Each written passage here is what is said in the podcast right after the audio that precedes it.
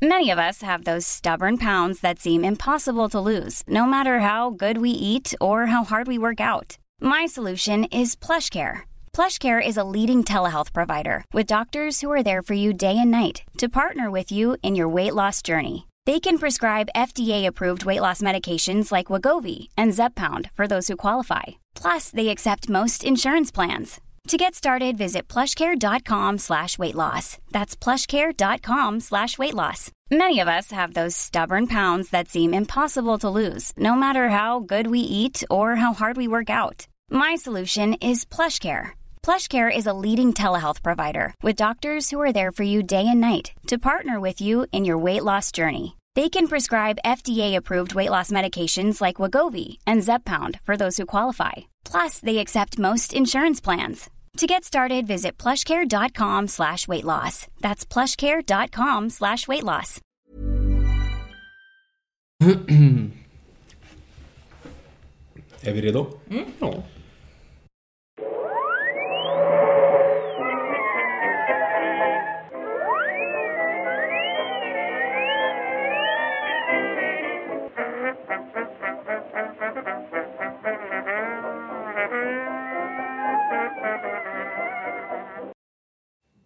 Då börjar jag i stort sett bara. Hej och välkomna till Nörden jag, det är jag som är nörden Fabian Lander. Och det är jag som är jag, Viktor Det Engberg. här är podcasten där vi pratar nördämnen, nördkultur i slags bildande syfte. Jag försöker bilda Viktor oftast i saker han tycker om men inte vet så mycket om. Men inte idag. Nej, eller lite, men vi har ju lite hjälp. Förvisso. Vi har ju väldigt bra hjälp. Kul. Välkommen till podden! Sara Bergmark Elfgren. Tack! Tack så mycket. Det, det är ju i stort sett din förtjänst att vi, att vi ens har gjort Noirvember. Jag är så jäkla nöjd. Du liksom bara, bara att du nämnde det skapar en hel månad av content. Ja, nej, Det är vi tacksamma för. Det är fantastiskt. Jag tackar alla timmar jag har tillbringat på Tumblr, för det var där jag upptäckte det här. Det är, där, är det där det kommer ifrån? Alltså jag vet, jag har ingen aning om vem som myntade det, men jag upptäckte det när jag, eh, i och med att jag gillar noirfilmer väldigt mycket och jag har en Tumblr, så var jag inne och letade efter giffar från olika filmer som jag hade kollat på och så där. Och då hittade jag den här taggen helt enkelt. Tänkte att jag har som plan att någon gång, folk brukar göra det här NaNoWriMo, att de ska skriva en roman under november. Ehm, men jag, jag har jag har mer den här planen att jag ska någon gång ska köra en riktig november och kolla en om dagen. Det vore ju fett. Ja, det vore Du har inte gjort det fett. den här november då alltså? Nej, det har jag inte. Nej, okej. Nej, jag har aldrig gjort det. Men det är ju blivit en grej, när jag kollade väl sen upp Noirvember, det har ju blivit en stor grej. Alltså på eh, Turner Classic Movies Mm. i USA kör de ju Noirvember och folk har verkligen gått fullt ut på det där. Så att det känns som det har bara, det växer för varje år. Ja, det, så kan det säkert vara. Men det, det är några år sedan som jag märkte att det fanns, men jag har Mm. ingen aning om hur länge eller varifrån det kommer. Så därför tycker jag vi startar vårt korståg idag att Cinemateket ska starta Noirvember för nästa år. Jag håller med. Så att är det någon som har någon kontakt där ute, gör något. Jag har ingen makt. Nej, jag, jag, Jag tror sig man kan mejla Cinemateket med förslag. Ja, det kanske man kan. Det är ju ett alternativ. Då slipper man liksom ut på gatorna och köra barrikader. Det räcker ju med att mejla dem kanske. Faktiskt. Det, det är nog mycket bättre teknik än att stå utanför med skyltar. Mer effektfullt om inte annat. Ja. Ja, vad som har hänt, vad har hänt med den gamla goda tiden med högafflar och facklor? Nu är det bara, folk bara mejlar istället. Precis, och man får inte glömma tomater och eh, Kålhuven. kålhuvud. Kålhuven Mm. var ett viktigt inslag på den tiden. Det var då vi hade kontakt med varandra, vi människor. Innan vi satt med våra telefoner. Ja, det var bättre förr. Men nu har ju tack vare din idé här ursprungligen då, så har ju vi kört hela november Mm. ägnat till noirfilmer. Det är ju underbart. Eh, ja, och jag har ju sett tre. Så det är ju jättekul. Ja, nej, absolut. Du har verkligen eh, levt ut den här månaden Ja, och gjort ditt uppdrag ja som, vet. som, som en del av den här podden. Men vi har ju byggt upp mot det här i stort sett. Och det, det ville vi, vad vi ville med det här avsnittet är ju på något sätt det vi har pratat om, vi har förberett publiken, så nu ska vi bara kunna gå loss på filmerna vi älskar och folk ska kunna ha lite bättre koll bara på, på vad vi pratar om när vi pratar om liksom olika termer och sånt där. Och framförallt typ ge filmtips. Och därför, det fanns ju inget bättre att ta med än just du Sara. Tack. Om det är någon som har sett mycket skit så är det du. Ja, och bra skit. Bra skit framför Ja, en del skit också, en hel del skit. Mm. Eh, Men eh, ja, det är inte det vi ska prata om idag. Nej, men, men innan sätter vi igång så, så, så måste vi bara få, eh, få en sak ur vägen. Så jag måste bara fråga. Viktor, vad är film noir för någonting? Det, har jag ju lärt mig nu. Eh, eftersom jag bara för några månader sedan trodde att film noir equal svartvit film. Jag hörde det. Ja, det är inte jättebright på det. Men jo, det är så här. Det är oftast eh, ett eh, mysterium inblandat. Det är svartvitt. Det är en man, ofta med hö höga byxor, som ska lösa ett problem. Och eh, ett vanligt inslag är en femme fatale. En kvinna som fördärvar denna man. Ehm, ja, det regnar. Ja, ja men det, det är ju bra. Det, du, du kan i alla fall hyfsat grunderna i det hela. Vi, vi, alltså vi, varför jag ställer det här, ni, ni lyssnare som hörde förra gången vi hade sa det här. Du hade ju helt missat vad det, vad det avsnittet ens handlade om. Ja, det var ju då kultfilmer och jag hade ju förstått det som att det är filmer som har en kult efter sig. Det vill säga att det är folk som är typ religiöst besatta av den. Fast det var väl det det var. Det var väl snarare att du, du trodde att det var kulturfilmer. Ja, du ser. Det Ja, var det var du kommer inte ens ihåg vad din miss, Nej. mitt missförstånd Nej, det var, det var det, just det, det var, det till och med det Men du som har var ju det. lärt dig vad det var. Ja, nu, så nu Ja. är det så självklart. Men det, det innebär ju egentligen att jag inte har lärt mig, för nu trodde jag att det var Och kulturfilmer. så trodde du att du hade fel. Okej, nu har Ja, allting för blivit helt Nu har jag helt så här. Ja, Cats and dogs. Vi har bara gått tillbaka, bara boomerangat tillbaka till Fabian vår... börjar stirra så tontrappar sig. Allt arbete är lagt ner och varit förgäves. Det är lönlöst. Det finns inga hopp längre. Tack gode gud att du är här Sara. Det är ändå bra att jag lyckas blanda ihop det så att jag trodde fel, men nu tror jag att det är fel igen och trodde att jag lärde mig. Jag skitsamma. tycker bara att du måste, du, ett, lite bättre självförtroende för att nu kanske du bara tror att du har fel om saker fast du inte har det. Ja, ja, ja, ja. Ja, det är ju den värsta, värsta sorten när man börjar dubbelgissa sig själv till bara fel svar hela tiden. ja precis. Minus, minus blir plus och plus, plus. så är det. Så är det. Men, men först, innan vi, vi börjar lista saker och sådär, så, så, så har jag lite bara grejer jag vill gå igenom med dig Sara. Eh, för att vi, vi lämnade ju lite frågor i, i våra avsnitt, saker som vi var lite osäkra på. Och, och det är det som är så kul med film noir. Det, det, det är en flytande genre och, och det finns inga rätta svar egentligen. Så jag vill Mm. bara få din, liksom, din syn på saker och ting. Så först och främst, bara så vi får kontexten på allting. Vad är din, vad är din ingång till film noir? Hur liksom, upptäcker du genren första gången? Ja, alltså jag började tänka lite på det där eh, när jag hörde att du tog upp det. Eh, jag, jag har en känsla av faktiskt att det som ledde mig in på det var en film som Alan Parker gjorde som heter Bugsy Malone. Som är en musikal med barn som spelar gangsters. Japp. Den är jättekonstig. Jag var helt besatt av den när jag var kanske 8-9. Är den ens till för barn? Eh, högst tveksamt. eh, jag, jag tror att jag gillade den just för att den kändes lite så här att de ändå sköt varandra även om det var med, de sköt ju skjuter varandra med grädde. Typ Mm. såhär tårt, alltså, ja för det ska göra det lite snällare antar jag. Och eh, Judy Foster spelar nattklubbssångerska och är lite för sexig för att vara typ 12-13 sådär, eller vad hon var. Eh, Egentligen den rollen hon gör i Taxi Driver. Ja, och så, men den där satte i djupa spår och det är ju egentligen ingen noirfilm utan det är ju mer en eh, ja, förbudseran gangsterrulle, lite mer så här James Cagney, en sån film. Eh, men den har ju kopplingar till noiren ändå, lite den här smutsiga världen liksom. Eh, så jag tror att det nog, det var definitivt en källa till mitt intresse. Sen tror jag att det där följdes upp eh, med olika saker men Blade Runner var nog definitivt en, en sån. Att jag liksom kom in från, jag kom in från en slags nästan parodihåll från början och sen då neo-noir eh, innan jag liksom kom in till det som var liksom källan till genren, det som var eh, riktiga, den riktiga genren. Du hörde voice-overn i Blade Runner och bara kände yes, I'm there. Jag såg ju då Directors Cut först. Oh, okej. Så att eh, voiceovern var någonting jag tog mig an frivilligt sen bara av rent intresse och det var ju fruktansvärt. Men, eh, men jag såg, jag såg Director's Cut eh, och jag förstod ingenting första gången jag såg den och var jättefascinerad.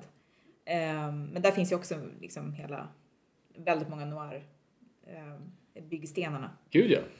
Eh, så sen tror jag att jag började kolla på när- kanske 20-årsåldern sådär. Mm. Och när jag läste filmvetenskap framförallt. Tror jag väl att det, ja, det började utveckla mitt intresse. Precis. Och sen tror jag att jag, det exploderade faktiskt när jag jobbade med regissör. Jag höll på att skriva ett manus för honom och han lånade ut eh, Melville-filmer till mig. Okej, Och det är också återigen inte noir utan neo-noir, och fransk neo-noir. precis. Mycket bra filmer. Eh, och då började jag titta på dem och så blev jag helt besatt. Och så började jag och min man kolla på sjukt mycket noir-filmer. Och vad, vad är det med den här genren då som, som du har kommit att gilla så mycket? Vad, vad är det som, som drar dig in till den genren? Jag tror att det är, det är massor av saker. Dels Eh, är det någonting med stämningen? Eh, det här hårdkokta, eh, den här svarta humorn. Eh, och melankoliska. Det är ju inte, alltså det, det, man kan ju säga att det är ganska nihilistiskt på något sätt. Eh, och som ni pratar mycket om att det är hopplöst och allt är kört. Fast jag tycker inte man blir så himla nere nödvändigtvis av att kolla på dem. Nej, absolut inte. Eh, det, det är mer melankoliskt tycker Mm. jag. Alltså mer sorgset. Eh, och att det också kan finnas en så här märklig skönhet i filmen också. Att det, att det kan bli lite som att vissa ögonblick blir extra laddade för att man vet att allt kommer gå åt helvete. Så att när det ändå kommer något, så här, någon, något vackert ögonblick så kan det bli nästan lite extra vackert för att Precis. man vet att allt kommer bli hemskt. Det är lite som en tragedi liksom. Mm. Det finns ju den där eh, tonen i det. Nu uttryckte du det där jätteväl. Jag sa bara i, i första avsnittet att jag må, mådde bra och saker skulle få en att må dåligt, vilket bara fick mig att låta emo. Det var inte det jag menade, utan det Sara sa nu var det jag menade. Men- Ja precis, fan, men det, det, det var skönt när jag känner något. det, det lät verkligen... Fast jag förstår vad du menar. Men det är någonting, jag tror också det är någonting befriande med det är lite som skräckfilm också tror jag. Det här med att, som Mats då, Strandberg brukar prata om ganska ofta med skräckfilm, att man bearbetar sina rädslor. Man går omkring och är rädd och så konfronteras han med sina rädslor. Och här tror jag att det är något liknande också, att det kan finnas med att Ja, men tänk om jag bara skulle visa mig vara en riktigt rutten person. Tänk om eh, liksom, jag bara skulle förlora allt i livet. Jag skulle liksom bara spela bort mina pengar och eh, liksom bli eh, lämnad av min partner och så vidare. Att, att det är på något sätt något befriande i sådana karaktärer som har förlorat allting redan. För det är också nog kanske någonting som vi som man lever med som rädsla, där, att bli utstött på något sätt. Och därför kan det vara skönt att se berättelser som handlar om sådana Absolut. karaktärer, Mm. tänker jag. Och sen är de ju ofta väldigt underhållande. Alltså de är ju ofta väldigt så här, eh, många av dem är ju väldigt vackert fotade. Mm. Eh, och eh, spännande, eh, innovativa historier, känns ofta väldigt moderna fortfarande. Och som ni var inne på också, det är väldigt mycket undertext, väldigt mycket eh, olika typer av spänningar som ligger under ytan. Och det, och det, det gör ju att det blir väldigt laddade filmer. Precis, och det är väl därför jag tror funkar som bäst att de bara inte blir superdeppiga. Det är för att man bara lindar in dem i det här fina säkerhetspappret som var hard crime i stort sett. Jo, Så man inte bara gjorde deppiga filmer som reflekterade andra världskriget och mäns frustrationer med kvinnor. Utan man la in det i en lite roligare box, ja, så att säga. Men, eh, men det här måste jag ju fråga dig. Den, den eviga debatten med noir, film noir specifikt. Är det en genre eller en stil? Ja, eh, det, det är ju det är svårt att säga. Jag, vet, jag kan inte säga att jag har en jättestark åsikt i frågan. Det, är väl lite, alltså, det är väl lite både och. Ja. Alltså, jag, jag pratar ju... Gärna, jag, jag, tycker att det är, det är ju, jag tycker att det är en slags genre. Eh, men sen finns det, så, sen kan de fil, ser filmerna väldigt olika ut. Eh, egentligen så det är ganska intressant med det, för vi pratar om Double Indemnity till exempel, som ju är den kanske mest noiriga av alla noirfilmer, men sen om man kollar på de flesta noirfilmer, också som ni var inne på, så är det alltid någonting som inte riktigt stämmer. Det är inte som en 80-tals eh, slasher som alltid, man vet man så man kan nästan checka av liksom, nu kommer det här hända. Det finns ganska många sådana filmer som är väldigt, väldigt lika varandra, även om de har saker som skiljer dem åt också. Men noirfilmer är mycket mer spretiga inom genren. Men samtidigt kan du slå på den och direkt se att det här är noir. Mm. Så att jag tycker nog ändå att man kan säga att det är en... Vilken där genre kan man, kan man på något vis se det om? För det är väldigt bra formulerat just nu. Alltså, du kanske inte kan sätta orden på det, men du, du vet det när du ser det. Ja men det är också som en skräckfilm. Du slår på en skräckfilm och kollar typ tre minuter, eller liksom mindre ofta. Och du fattar direkt att det är en skräckfilm. Mm. Om man bara droppas med, slår på kanal 3 och så vet man inte vad det är. Nej men du liksom väldigt sätter snabbt. igång så är det, Mm. du, hör, du hör skriken i förtexten redan. Loggan brinner av blod oftast där. Ja, där någonstans har de. Men även om det inte skulle vara några förtexter skulle man nog ganska snabbt kunna liksom fånga upp den här hotfulla stämningen. Mm. Helt klart. Även såklart vissa så 80-tals actionfilmer borde ju också kunna se. Ja. Om det, framförallt tre minuter för att det är ju oftast en explosion ungefär var tredje minut. Så att du borde ju Mm. se en explosion så ah. Har du sett Bruce Willis inom tre minuter så vet Ja, du. ja. En ung Bruce Willis. Ja, framförallt. Annars är han död. Va? Nej, Spoiler. Han visar sig att han är en kvinna. Det var väl inte det vi kom fram Ja, just det. till? Precis. Det var, det var tyst den ja. var. Så, Statue of Limitation ska vara fem år, så att det bör vara lugnt. Ja, men ändå. Just en sådana så här hårda spoilers ska man ändå vara försiktig med. Jo, kanske. Alltså du hade ju förstör ju liksom den. Ja. Du ska ju inte säga... Ja, Kommer det, ni klippa bort det här? Nej. Nej, Vi kommer önska. ni kommer klippa, önska klipper bort det var en, kom en, en i min klass som sa verkligen så här. Nu kommer jag ju spoila den också, men då frågar de eh, så här. Åh, har du sett, och då gick den på bio så här. Åh, har du sett eh, den här boxningsfilmen? Då säger hon. Ja, den där någon dör på slutet. Ja, precis. Högt i klassen så att de spoilade alla inför hela. Nu fick jag flashbacks. eh, För att när jag var med i skoltidningen på gymnasiet så hade vi på baksidan på ett nummer eh, X är mördaren i Scream 2. Alltså det stod på baksidan av skoltidningen. Va, varför? Alltså vi tyckte att det var roligt. Det busig. Det var också lite innan den här spoiler frensin. Det var inte lika kontroversiellt där på slutet av 90-talet. Men Ja, just det. irriterande fortfarande. Jag fick höra att Boromir skulle dö i sången. Det här, det här kan ju inte vara en Men det kan ju inte vara en spoiler. Nej, Men jag- nu på Det är typ som att säga Jesus dör. Och spoiler! Passion of the Christ. Fan, Han, åter, han återuppstår också. Fan, dubbelspoiler! Jag var jätteförstörd för jag hade inte läst boken. Jag var supertaggad på säsongen. Jag var lite senare än alla andra när den kom ut. Kan ju också vara för att första kapitlet i andra boken heter Boromirs Death. Bara Det är lite som tips. Qui-Gons Noble End på Ja. soundtracket till Star Wars Episod 1. Ja, jo, precis. Mm. För du hade ju böckerna. Du måste ju ha kollat i dem. Alltså jag menar, så här, om du har, det räcker med att slagit upp Jag andra tror jag boken faktiskt fick böckerna Liksom. efteråt. Ja, så kanske. Ja, jag tror det. Jag fick, men det var precis runt då, alla fick böckerna den julen. Mm. Eller julen efter. Med den översättningen som är sådär va? Yep, det, ja, det är den översättningen som är lite Jag tror det. halvdan. Ja, ja. Tillbaks till noir, det är därför vi är här. Ehm, nej men just på just också genre och stil, för det är ju också, i och med den debatten så brukar man ju prata bland annat om att Casablanca och eh, Citizen Kane bockar av många av kriterierna för en film noir, men de anses inte vara det. Nej, vad, men vad är jag- din åsikt på det? Jag tycker inte det, att de är Mhm. det. det. För att jag tycker att de, eh, de, har, de har en annan stämning. Ja. Eh, Och, och sen är det ju inte, det är inte krim. Nej, det är Alltså, kanske det på som något är... sätt så ska ju noir ändå vara krim. Mm. Det ska ju finnas med, det behöver inte vara ett mord, men kanske rån eller något slags brott ska ha begåtts Ja. i alla fall, tycker jag nog. Det begås ska- inga brott i Casablanca, jag försöker komma, komma på nu. Det är, det är, Det är ju mer- Nazister? Ja, det är nazister. Det, det är en annan Det är typ ganska av brottsligt. brott. och dessutom så har han ju också någon slags Ja, den, den handlar ju på något sätt om att han får ju tillbaka sin, eh, vad ska man säga? Mänsklighet. Ja, alltså Mm. sin, sin, sin, sin, han, han får ju någon slags mål i livet, en, en högre sak. Mm. Så det är ju raka motsatsen till en noir. Ja. ja, det är sant. Eh, och Citizen Kane, ja, den är ju mer som en krönika över ett liv. Mm.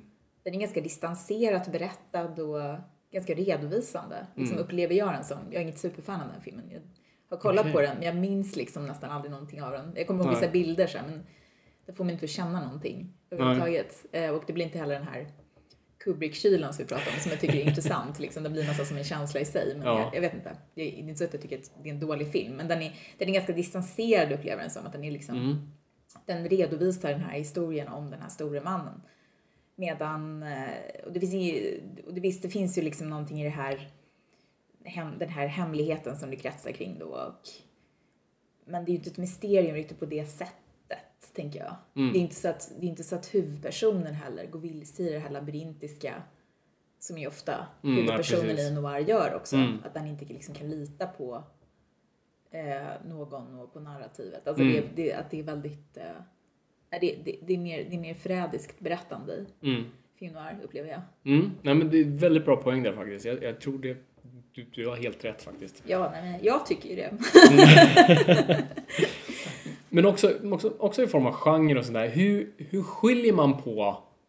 Alltså, hur, hur ser man till exempel att någonting är en noir versus en melodrama eller noir versus crime, gangster? Det, bara, bara där har, tycker jag också det är svårt att navigera ibland. Jo, men det är ju jättesvårt. Alltså, jag ty- ska jag läsa upp lite grejer jag hittade som Ja, jag tyckte var ganska kör. rolig? Eh, det är så här filmen, eh, analytikern Eddie Muller, Miller Mm, som, ja, som skriver. Uh, if a private eye is hired by an old geezer to prove his wife's cheating on him And the shaman discovers long, bur- long buried family secrets and solves a couple of murders before returning to his lonely office.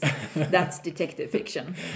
If the same private eye gets seduced by the geezer's wife, kills the old coot for her, gets double crossed by his lover, and ends up shot to death by his old partner from the police force, I can say with complete assurance you are wallowing in noir. Där är det! Helt rätt. Jag tror att det är lite någonstans hur huvudpersonen, alltså hur den blir indragen i narrativet på något sätt. Alltså Precis. är det liksom en, eh, om du har en gangsterfilm, om du har någon som är en gangster och så gör han sina gangstergrejer och sen så antagligen på slutet så åker han dit. Eller liksom, Ja. det gör han ju, liksom, med tanke på hur de filmerna gjordes. Ja, gud ja. Eh, och sen, det där är ju också just det där, det är en mer såhär detective movie. Precis. Men det är just det här när, när eh, huvudpersonen blir lurad och indragen Mm. och helt plötsligt liksom upptäcker att gör saker som han inte trodde att han skulle göra Mm. och så vidare. det, det är då man börjar komma in i det territoriet. Precis, och jag tror också det har lite med objektivitet versus subjektivitet. Jag tror eh, noir drar in publiken på ett helt annat sätt och får oss antingen att förstå eller i alla fall bara dras in i, i den här galenskapen eller vad det nu är i plotten. Medan jag tror vanlig crime, i alla fall från då, var en väldigt objektiv, kolla på den här personen och döm honom och se det från distans. Så det kan ha, kanske ligger någonting i det också. Jo men det finns mycket mer av det tycker jag. Sen Mm. så, så överlappar de ju förstås. Mhm. Ehm, Absolut. Och, ehm, och liksom som Mildred Pearson ni pratade om ju, som ju är en slags hybrid av melodram och film noir. Jag tycker, Precis. jag tycker inte man kan säga att det inte är en film noir samtidigt, för det är bara att det är en annan typ av huvudperson Mm. än vad som är vanligt i film noir. Och, och det är ju väldigt spännande också med den här filmen att just är det. Men det är Absolut. fortfarande en, ehm, eh, liksom, en, en labyrintisk historia Mm. och eh, en fråga om vem på något sätt som Och vi börjar med ett mord Ja, men, som vi jobbar oss fram till. ja, men den är ju, den är ju, ja, jag tycker, jag gillar den verkligen. Mm. Eh, och sen så vet också, så just när ni pratade om David Lynch också, just att som en fortsättning på noiren, och han jobbar ju jättemycket med melodram också. Mm. Och, det, och det glömmer man ganska ofta med David Lynch, att men han är, det är ju verkligen Ja, i Twin Peaks är melodram. Twin Peaks, Full och det är frontal. Blue Velvet, Mm. Mulholland Drive. Alltså det finns ju ingen som kan eh, skruva upp det känsloläget också som han. Det kan vara otroligt läskigt men det kan också bli så här, superförhöjt och Ja. verkligen eh, liksom, näst, det skulle kunna vara smetigt men det blir inte det. Mm. Bara för att vara sådär så att jag inte sitter här och nickar i en halvtimme till utan Ja, och inte veta någonting. Vad, vad, är- vad är definitionen av melodrama? Men så melodram är ju eh, det, det är ju en typ av film som går ut på att få dig gråta kan man säga. Rent enkelt. Alltså det, det går ut på, eh, och, och där har vi ju eh, eh, en av de stora melodramregissörerna i Douglas Sirk. Som ni borde kolla upp om ni inte har gjort det. Inte hört talas om. Ja, men han är ju central verkligen och en sån här regissör som har uppvärderats sen efterhand också. Fassbender är väldigt influerad av honom. Eh, Lars von Trier är influerad av honom också och eh, eh, även eh, Todd Haynes. Eh, Far from Heaven är som en pendang egentligen till en kommentar till en Douglas Sirk-film. En av hans filmer. Eh, och de, de här filmerna handlar, de ofta handlar om kvinnor eh, nästan alltid, som eh, hamnar i en svår situation. Eh, det kan vara någon som dör eller att de blir kär i fel person eller att de liksom måste fatta ett stort livsavgörande beslut. Ska jag stanna hos min familj eller ska jag lämna den? Alltså det, det ansågs ofta som kvinnofilmer just. Ja, det var väl det, fr- framförallt då, det var det det var. Ja, men- Kvinnorullar. Jo, men precis. Eh, och, ehm, och, och det där är ju, eh, ja, det, det är ju liksom en, en tearjerker helt enkelt. Eh, det finns en filmteoretiker som heter Linda Williams som pratar om body genres. Och då listar hon eh, melodram, skräck och porr. För alla tre filmerna går ut på, alla tre sorters filmer går ut på att framkalla en fysisk reaktion Precis. eh, utsöndras för kroppet, kroppsvätskor etc. etc. och också att det är väldigt mycket kroppsvätskor inblandade i filmerna. Det är tårar, det är blod, det är annat som pågår. Japp. Ja, men det, det är just också någonting, eh, det, det, är väldigt spännande där också när man gifter ihop melodram och skräck eh, liksom, eller det här som, som då till exempel eh, David Lynch gör. På, på tal om det, det var lite det som var lite intressant. Har, har, du har möjligtvis inte sett Vilken jävla cirkus? Eh, nej, det har jag inte. Okej, för det var lite det som jag hade som en, en grej mot Fabian. För den, eh, jag såg den nämligen för några veckor sedan. Ja, jag borde ha kollat, kollat film noir, men det råkade bli den och, det råkade Twilight. bli två sista filmer i Twilight. Men eh, den i alla fall så tänkte jag mig kring, jag har aldrig riktigt upplevt att en film bara så här säger åt mig att göra så här gråt, skratta, gråt, skratta. Alltså att det är så här verkligen trycka fram känslor och framförallt när det växer så snabbt emellan dem. Och då kände jag att det här kommer Fabian inte gilla. Men det är alltså det som är melodrama, så Helena Bergström har alltså gjort en melodrama. Det är mycket möjligt. Nu har inte jag sett den, men Nej. det, det, Melodram, man måste bara säga. Melodram. Mm, på svenska heter det Ja, vi, ja, du ser. melodrama skulle ju vara det de, de så här, sista minuterna innan man vet vem vinnaren är i Melodifestivalen. Ja, Mm. precis. När det står att det är typ tre städer som fortfarande inte gett sina röster bara. Ja men det är ju många så här 80-talsfilmer och sånt där som fortsätter den här traditionen. De här riktigt, riktigt smöriga. Då blev det ju såna här direkt till video Ja men, men thrillers. det, finns ju, det finns ju också lite det här. Ja, nej men det, det, det där med trycka på känsloknappar ju, har man ju varit väldigt bra på i Hollywood. Gud, ja. Och så, men så finns det ju liksom som alla andra filmgenrer, det finns mer eller mindre lyckade exempel. Det gäller ju också att få med publiken på ett sätt som man inte känner sig manipulerad allt för mycket liksom. Ibland kan man ju känna ibland när man tittar på en amerikansk film, till exempel som slutet av Titanic. Eh, när jag då, 17-årig och cynisk, satt i biografen och bara, åh gud vad ni vill att jag ska gråta nu, men jag tänker inte gråta, jag bryr mig inte. Och jag sitter jämt och Grät du Breaking Dawn? Eh, nej, det gjorde jag inte. Nej. Men den, det var ju inget jätte tearjerky slut heller. Nej. Det, det är väldigt läskigt där med det här barnet med det här ansiktet. Det var jätteläskigt. Det var en skräck. Det, det var riktigt läskigt. Japp. Eh, konstigt gjort också. Jag Det finns berätt- ingen anledning. Jag berättade precis för Fabian när vi satt och kollade på film här innan att eh, jag och min kompis, vi, vi hade så här en kväll över, vi bara, "Men vi kanske ska hyra Breaking Dawn 1 och 2. Så vi gjorde det. Men de var ju så tråkiga så vi kollade på 1,5 hastighet. och det funkade väldigt bra. Man fattade hela tiden vad som hände. Ja men det är ju för att det, och det alltså, var inte lika outsägligt utdraget. nej, det, det var hemskt faktiskt. Jag ska inte säga något annat. Det var, det var ett dåligt val. Det var det. Det var det. Det var ett väldigt dåligt val. Absolut. Och eftervärn också. Så här, riktigt double bill. Att man bara liksom drog igång nästa efteråt. ja, för att liksom bara, varför ska jag inte tortera mig själv lite till? Precis.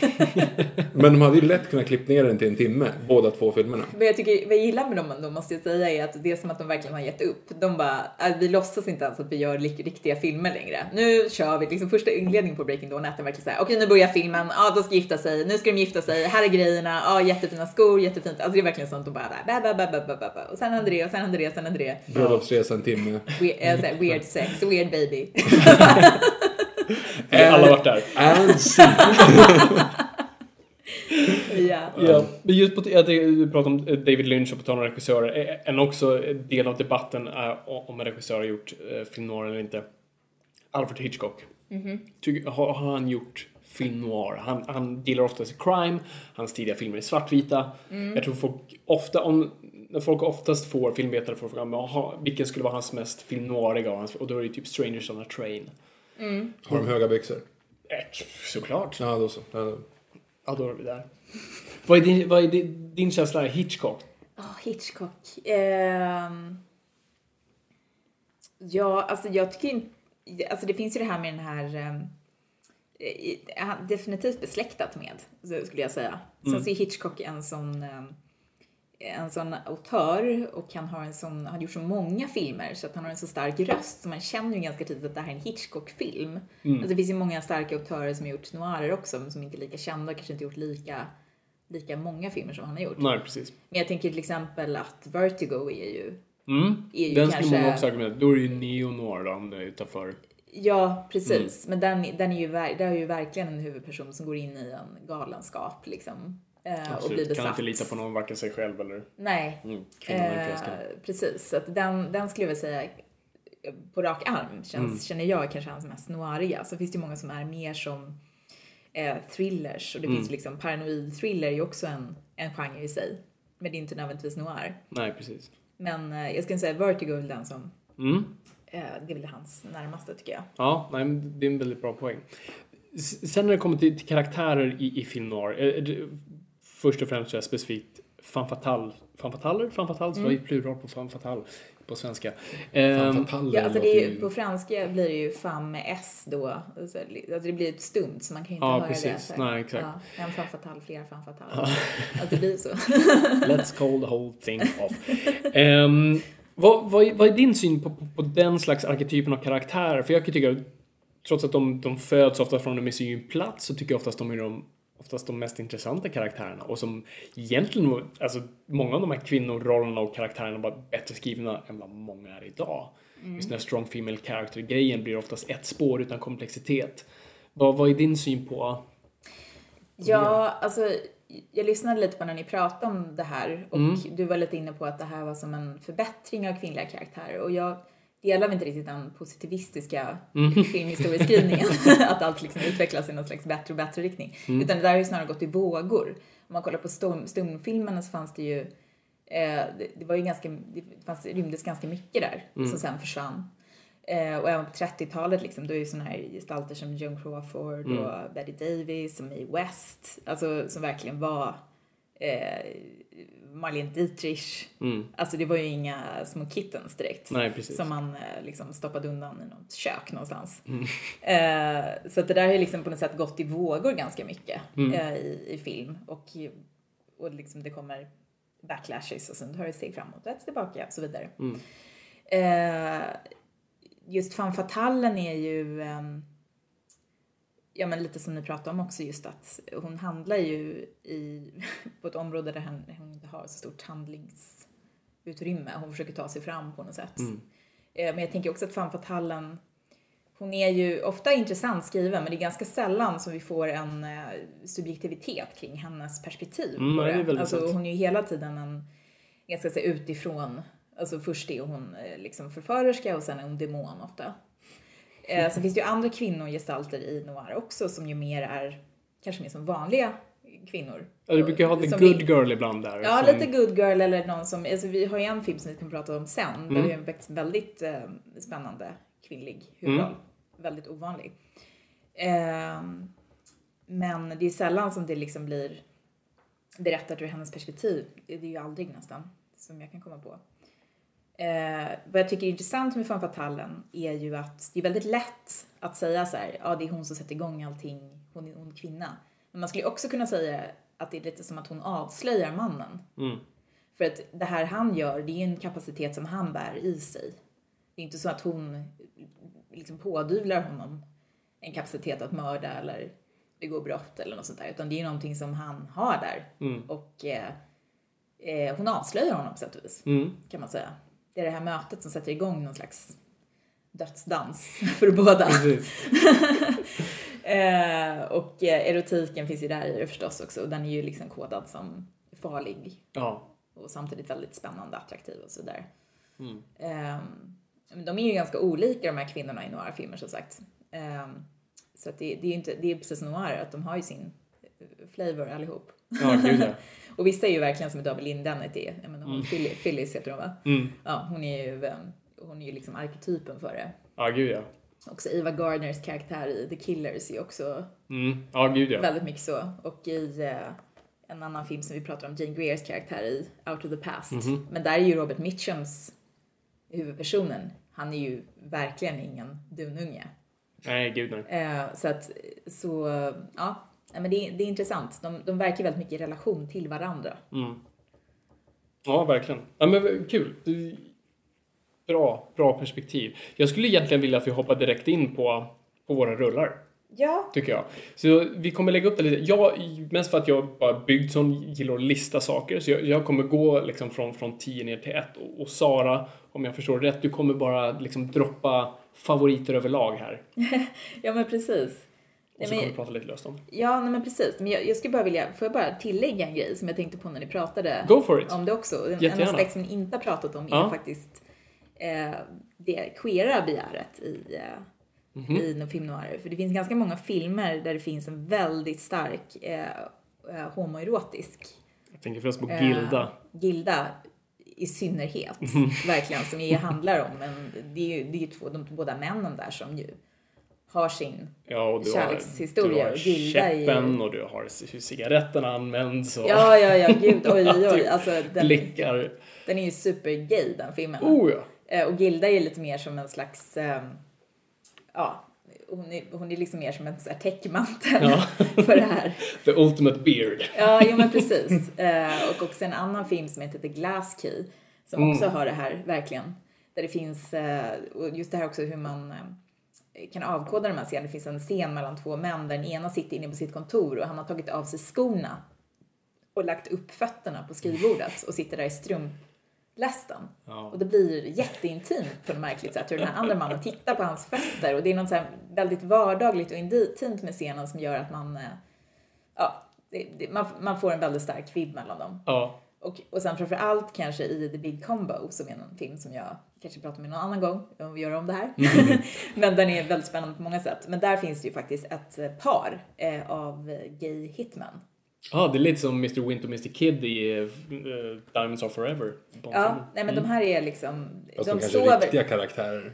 de sover i, liksom, de, de sover liksom, i, inte i samma säng, för det kunde de inte göra, men i så här, twin beds. Men det är väldigt uppenbart att de är ett par. Ja. Och också hur de reagerar sen på olika händelser i filmen. Det, så det är ganska intressant också så med, eh, med sådana subtexter som finns ganska gott om i de här filmerna. Ja, men det är det som var så kul med, jag tror inte bara med film antar jag, med, filmer på den tiden just när de var tvungna att bara smyga förbi de här grejerna. Förbi... Ja, det är kul i efterhand och så här, man ska säga, men samtidigt orsaken var ju inte lika rolig. Alltså det inte var, så- det var ju saker man inte fick prata om. Nej, nej, absolut. Eh, och det var ju också ett förtryck liksom. Men, Helt eh, klart. men eh, det är, väl, det är spännande att se. Det, det, man har ju ofta en sån bild av Ja, men åter, återigen det positivistiska liksom. Att, ja, men gamla filmer, det, de pratar inte om sex och det är så himla så här, händerna på täcket och allting. Man kollar på just film noir, man bara oj oj oj. det, Det är nästan skamlöst ibland. ja, ja, verkligen. Ja, men eh, Sara, jag, jag, jag tänker låta dig börja egentligen. Skulle du vilja bara droppa en, en favorit bland noirer? ja, men vi kan börja med eh, Out of the Past då. Och det är väl, det är väl en av de här, kan man säga, alltså om det finns en sån Mount Rushmore av, av noir-rullar så tror jag den skulle vara där uppe. Ja, precis. Och jag är inte så här, jag har ju sett alla de här stora klassikerna i stort sett tror jag. Eh, och det är inte ofta mina favoriter. Nej. Jag kan ofta tycka att de är bra. Förutom möjligtvis kanske Sunset Boulevard som Mm. jag tycker, som jag känner lite starkare för, liksom, eller som jag verkligen, verkligen gillar. Ja, jag trodde tvärtom att du kände inte så Nej, starkt nej, för den. nej, jag, så här, nej, nej, fight! nej, nej, jag älskar, jag älskar Sunset Boulevard. Men, men många av de andra filmerna som Double Indemnity tycker jag, tycker jag är rolig. Alltså så här, och mm, The Big Sleep, den är också så här, rätt underhållande att se. Jag undrar fortfarande om det är den första scenen där man har den här tropen, tjej tar av sig glasögonen och släpper ut sig håret. Mm. och blir sexy babe. Men, men det är inte så här så att det är inte mina favoriter. Nej. Och, men här överlappar den ju med Mm. Out of the Past då, som ju är en av de här centrala filmerna. Mm. Kan du berätta lite vad den handlar om? För ju- den har inte en klassisk noir-story egentligen. När man bara, alltså på, på rak arm sådär. Ja, alltså den, är, den kom från, den är ju från 47 Mm. och det är ju Jacques Tourneur som har regisserat den och han är en, något av en favorit. Mhm. Eh, han är ju mästare på det här med skuggor. Eh, han har gjort också eh, filmer som eh, den första Cat People Ah, okej. eh, originalet. Och han har gjort en fantastisk skräckfilm som heter Night of the Demon eller Curse of the Demon som är helt otroligt bra. Eh, som jag verkligen rekommenderar. Man kan ignorera det fula demonmonstret. Det var producenterna som tvingade honom att klippa in den. Jag är fortfarande bitter över att de visade den här restaurerad på Cinemateket och jag kunde inte gå. Ja. Det gör fortfarande ont. Jag mejlade dem och skrev så här, kommer ni visa den igen? De svarade inte. Men du ser, det funkar inte att mejla är med andra. Vi måste gå dit med Ja, är högafflar. sant. Ja, men du, du har en viktig poäng där. Nu insåg jag när jag, samma ögonblick som jag sa det. Nej, men eh, den här filmen handlar ju då om, eh, det är Ro- Robert Mitchum som eh, eh, han, eh, han tar på sig ett jobb att eh, leta reda då på en kvinna som eh, har dejtat en gangster som spelas av en mycket ung Kirk Douglas. Eh, och, eh, och som säger då att hon har dragit och tagit med sig pengar så ska han hitta henne. Liksom. Och då blir han förstås indragen i eh, en eh, historia med henne. Ja, precis. För hon är ju verkligen en fan fatal. Eh, och den har ju eh, en otrolig, eh, eh, vad ska man säga, eh, dialogen är ju helt otrolig. Eh, och väldigt, väldigt hårdkokt. Och så är den väldigt vackert filmad. Ja, jag tycker ändå den har ganska... Alltså, första delen med deras romans i Ja. det första är ju faktiskt romantiskt Det är ett tycker jag. jäkla tryck i den framförallt. Alltså den är, det, man förstår ju att det här kommer gå åt helvete men den, har, den är ju otroligt, alltså den är laddad, jättebra kemi mellan dem. Mm. Den är verkligen explosiv. Alltså, mm, och det är liksom en otroligt tät stämning från första början till slutet. Mm. Ehm, nej, jag älskar den. Men du säger, eh, han, då regissören här var expert på skuggor och sånt där. Men när jag tänker på Out of the Past, jag tänker inte den som en så mycket kontrastfyllt foto, alltså noir-stil, om det var det du syftade på. Mm. För jag tänker ju mycket i, liksom när de hänger typ i Sydamerika där det är sol och det alltså det är mycket... Det, Jo. det oftast utspelar sig många grejerna på dagen. Fast de sitter ju ganska mycket inne på så här skuggiga barer och... Det gör de förvisso. alltså, skugg, det är lite så att jobba med skugga och ljus, det kan man göra på lite olika, olika sätt. Jag tänker, det finns ju en jättesuggestiv eh, film i, eh, scen i, i eh, Cat People till exempel, där det, där det handlar om en kvinna som tror sig förvandlas till en, liksom en panter. Ja, det, och det handlar mycket om så här, undertryckt sex, sexualitet och sådär. Och där finns det bland annat en scen i ett badhus där det är liksom någon så här kvinna som är i en pool och så går den här liksom kattskuggan runt omkring. Det är väldigt häftigt, väldigt suggestivt. Eh, jag kan inte så gå in och peka på några specifika scener. Jag såg den här för ett år sedan ungefär. Eh, så jag har inte riktigt så här, den pinfärskt minne. Nej, inte, inte mitt heller, men... Men, Men den är ju, den är ju otroligt bra. den är otroligt eh, bra. Och det är en riktig så här klassiker, klassiker tycker jag. Ja. Eh, som är... Ja, den är inte... Jag höll på att säga, den är inte svår. Den är absolut, den är absolut komplex. Eh, men, men jag tycker den är lättillgänglig, om man säger så. Absolut. Eh, en, en riktig klassiker på så vis. Har du sett den här, Viktor? Nej. nej. Nej, okej. Eh, Tänker och, och Robert Mitchum, han är också en väldigt intressant skådespelare tycker jag, för han har ju inte det där klassiska eh, pretty boy eh, looken alls, utan han Nej. ser lite så här, han, det är något lite skevt över honom. Men han är sjukt sexig. Och samtidigt är han sjukt stilig liksom. Ja, och han är ju på något sätt, alltså jag skulle argumentera ändå att han är den ultimata noir-skådisen, för han har gjort så jävla många noir-rullar. Ja, nej men han är, han är ju verkligen det. Och han är ju också den här, gjort den här episka rollen i Night of the Hunter som ju många räknar in i noir-genren, fast den är ju en väldigt annorlunda film. Det har inte jag sett. Ni har inte sett den? Nej. Trasdockan heter det på svenska. Nej. Nope. Nej. Där spelar han ju en jätteond preacher som har love och hate tatuerat på vardera Ja, handen. jo, ja, nu ser jag ser det framför mig. Eh, Du har säkert sett bilder på Ja, honom. det har jag. Och så handlar det om två barn. Som, eh, de, han gifter sig med deras mamma och eh, mördar henne. Mm. Och, och, då måste, och barnen flyr. Så att det handlar liksom om hur de, det är någon slags mörk saga kan man säga. Men den, har- den, eh, jag skulle inte säga att det är en film noir, för att, men den, den, har, den är besläktad Ja. med, med den definitivt. Det är en väldigt lite bra som film. en Sound of Music by Night. Skulle Alltså jag har lite? Va? Jag har lite exempel här på, på dialog från Out of the Past bara så här.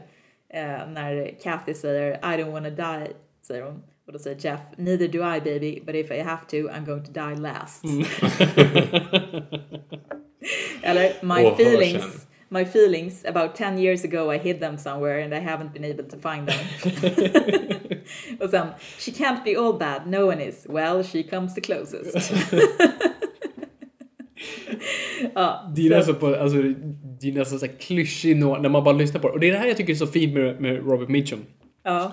För han, han har så otroligt bra hur han, hur han levererar repliker. Som Ja. oftast låter ganska... Alltså, så när man läser upp dem rakt ner så bara, det där kan man ju inte... Det där låter lite weird. Det kan Ja. inte någon säga med ett straight face. Men han kunde. Ja, ja, gud ja. Nej, men det är en jäkla, jäkla sätt att leverera den här dialogen på. Mm. Den, är, den är väldigt, väldigt bra och väldigt noirig Mhm. och härlig. Eh, så ja, Ja, nej, men den kul. är varm rekommendation. Out of the past. Ja, men det säger jag också. Eh, Helt klart en rekommendation. Eh, gå och se den. Och- Se den. Jag ska se den. se den? Ja. Och alla där ute som lyssnar, se den. Ja. Nej, så fan jag känner, jag sitter här och skäms. Nej, varför då? Men jag, Du ska inte skämmas. men jag har ju inte Det är, sett kul också att någonting. se en, det är också kul att se en ung Kirk Douglas Ja, det är alltid kul spela att se. gangster, Kirk vilket han verkligen gör med bravur. Han Ja, är en gud, ja. väldigt bra skurk. För det är också härligt i noir. Och det är också en grej som jag gillar med noir. Mm. Birollerna. Ja, det är oftast de som lyser mest. Ja men ofta är de liksom helt fantastiska. Det kan verkligen komma in en liten karaktär och bara lyfta en scen. Alltså de får ofta väldigt mycket plats på ett sätt som är väldigt härligt. Mm. De är lite som kanske Keys i... eh, Dublin Indemnity. Ja, Mm. grymt. Jag gillar den som fan. Det, det var lite kul så här att det- jag tyckte typ att det är en av de bättre filmer jag sett. Där Ja, den vad kul. Så jag var helt inne i det liksom. Så säger du, ja men den är ju med. Nej men alltså jag gillar den. Mainstream. Men alltså, jag gillar den, jag gillar den. Det är bara att, att jag, jag, alltså det, den har inte riktigt det där lilla extra som, Mm, som gör att, att jag verkligen blir kär i en film. Mm. Alltså ganska många filmer kan man ju, det måste ju ni också tycka, att man kan tycka att ah, men det här är en riktigt bra film. Jag Mm. gillar den, jag har respekt för den. Det är lite som man kan träffa någon sån här person. Man bara, "Ah, men tjena, jag gillar dig, jag har respekt för det du gör, men vi kommer inte bli kompisar. Mm. Och sen är, den bara, sen är de här som man bara, marry me! Men det är lite som att du var inne på Citizen Kane. Så var jag först med Citizen Kane och kollade på den lite så här objektivt. Bara, Japp, okej, men jag förstår att det här är det bästa som har Ja. gjorts. Good for you! Så, men nu när man nu, när, nu är jag ett stort fan av den efter att ha sett den så pass många gånger. Det är en sån här film man måste återbesöka. ja, Ungefär som jag känner med Sunset Boulevard. Jag förstår att folk tycker om den, men Ja. det är inte så här. Jag, jag är inte, troligen inte manusförfattare, det är väl därför. Du gillar inte historier som handlar om destruktiva manusförfattare. Nej, men jag menar... Det blir automatiskt förstår- inte ett pluspoäng för dig i alla fall. Ja, nej, men det kanske är någonting sånt. Som... Och vi kommer prata om en till. Som vi kan kan liksom en bra segway in till nästa film. Okej, vi kan lika gärna ta den på en gång. Ja, vi gör det. Och då har vi då In a Lonely Place. Den här kollade du och jag på precis innan vi, vi startade inspelningen här, så jag kommer precis fräsch från den här. Ja, Och den, det roliga, den kommer ju samma år som Sunset Boulevard. Visar också en eh, manusförfattare på väg ner. Och en äldre. en äldre Ja, framförallt. Ju hans, lite... eh, Den andra har ju, hans karriär har ju inte riktigt börjat nästan. Nej, precis. Så här är ju nästan åren, oj, om man inte blev skjuten såklart. Om man inte hade blivit skjuten. Men spoilers! Man håller på och spoilar nu. I och för sig börjar ju filmen med Ja, att han säger att han är död. men okej. Ja. Eh, nej men precis, det handlar också om en manusförfattare på dekis. Mm, spelad av Humphrey Bogart. Och har den fantastiska svenska titeln Nakna nerver. Åh, Oj, vad bra. Mm. Oj, vad bra. Härlig. Yikes. Verkligen. Härlig. Eh, Out of the past heter det redan så här skuggor ur det förflutna och sånt där. Ja, det, Mm. Det, det är rimligt. Makes sense. Ja, men nakna nerver i alla fall då. Mm. Eh, och det är då Nicholas Ray som har regisserat den. Som Mm. ju bland annat gjorde eh, Rebel Without Cause. Mm. Så han är ju... Eh, och han är ju mycket spännande regissör. Han har gjort många bra filmer tycker jag. Johnny Guitar är en annan intressant film han har gjort. Apropå western. Där Mm. John Crawford spelar huvudrollen. Okej. Och eh, den heter Johnny Guitar för det finns en kille som heter det i filmen men det är inte honom den- handlar om. De var handlar att sälja filmen på något vis. Vi kunde inte ha en kvinna i titeln. Så. Nej men lite så, men det är hon som, hon äger en bar och sen så har hon en eh, ärkefiende som är en annan kvinna. Mm. Och nu, jag vet vem- vad skådisen heter men jag glömmer det just nu. Men det, är- det är en jätteintressant film i alla fall. Men Nicholas Ray, eh, In a Lonely Place. Eh, det här är ju en riktig pärla. Ja, Ja, jag diggar den som fan. Det var nu första gången jag såg den här. Jag, ty jag tyckte den, den, den flöt på riktigt bra. Och också en, en liten annorlunda film noir som jag tror inte du, man tänker på det rakt av. Eh, men, men har absolut alla komponenter där. Men än en gång bara twista till det lite annorlunda. Och det är lite som du snuddade på där när vi pratade om Fan Fatale. Just när man pratar om det subjektiva perspektivet utifrån kvinnorna. Och här har du ju det definitivt.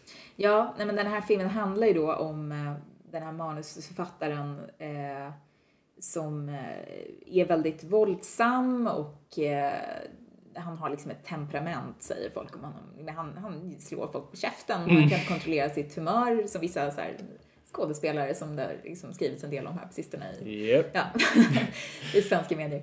Eh, och, eh, och det har liksom gått, sen kriget, han har, han har varit med i andra världskriget också, apropå det när du pratade om med för detta soldater, så han är en gammal officer. Eh, och har uppenbarligen inte lyckats komma tillbaka. Han, han har inte haft en hit sen eh, innan kriget, säger folk om honom. Eh, och det som händer är att han eh, blir anklagad för ett mord och får ett alibi av sin granne eh, som eh, de liksom får kontakt med varandra och hon ger honom ett alibi. Och, men sen börjar hon och alla tvivla på, jaha, är han verkligen oskyldig? Hon inledde ju en relation med honom framför allt. precis. Som och, blir mer och eh, mer obehaglig. Och vi kanske inte ska spoila för mycket men Nej. Fast den är inte så twistig på det sättet men det, det man kan säga Men det är just den intressant. känslan, för jag var väldigt glad Ja. att just veta väldigt lite när jag hade sett den. Eh, just hur du, alltså man kan ju spara ju känslan att hur osäkerheten bara stiger och stiger Ja. ju, längre man, ju längre in man kommer i relationen. Och den är väldigt, den är väldigt läckert berättad för det är liksom som att från början så är det att man tycker att han är ganska rolig ändå. Alltså han är ju väldigt smart. Och Mm. Det är kommer med Humphrey de här, Bogart. Det är Humphrey Bogart. Han kommer med sina så här eh, snabba repliker och är liksom lite trött och rolig och mörk och sådär samtidigt. Och när han slår någon på käften så är det en jäkligt osympatisk typ som man själv skulle typ Mm. vilja slå på käften och sådär. Så att, men sen så gradvis så förskjuts det här perspektivet till att det är den här tjejen som han dejtar som helt plötsligt är huvudrollen. Mm. Eh, och hennes oro och skräck för den här mannen. Eh, det är sällan jag sett en film, i alla fall från den här tiden, har nog aldrig sett en film som kanske riktigt Mm. gestaltar det på ett sånt... Alltså, jag, jag, du, du var ju verkligen plågad på slutet Fabian. Du satt verkligen i soffan och bara åh fy fan vad jobbigt. Vad var det du sa? Du bara är det här är så jävla jobbigt. Men alltså, Och då är det bara på stämningen. Det är Ja. inte liksom att folk drar pistoler på varandra eller Nej. det är stora actionsekvenser utan det är bara den här relationen mellan de två. ja, Och hur man bara mer och mer kommer in i hennes vinkel på det hela. Och det är smidigt, det är otroligt subtilt gjort tycker jag. Vilket är kanske inte ovanligt men jag, jag tyckte ändå det var så här, "Oj, jag, tror, jag tror inte jag sett det på det här sättet på, från den tiden. Nej men den är, det är en ganska unik film faktiskt. Och den är otroligt välgjord och modern på många sätt. Otroligt Eh, modern. Och det känns verkligen som att det är riktiga människor som man får möta. Liksom. De Mm. är bara lite mer välformulerade och roliga, liksom så här, Mm. kvicka än vad folk generellt är. Men eh, också bi, jättefina bikaraktärer. Mm. En alkoholiserad skådis bland annat som är ganska underbar. Ja, verkligen. Eh, så Mm, nej, In a Lonely Place. Jag tycker verkligen folk borde, borde kolla upp den. Um, alltså, det är Humphrey Bogart. Alltså, vad finns det inte att gilla bara där? ja, Det bara. Och framförallt, det är en kul, eller en intressant roll för honom. det var ju han själv, hans eget bolag också som producerade den här Mm. filmen. Så att han har uppenbarligen valt den. Precis. För att han ville spela en sån här, Han ville bryta mönstret någonstans. ja. Från vilket år är den ifrån?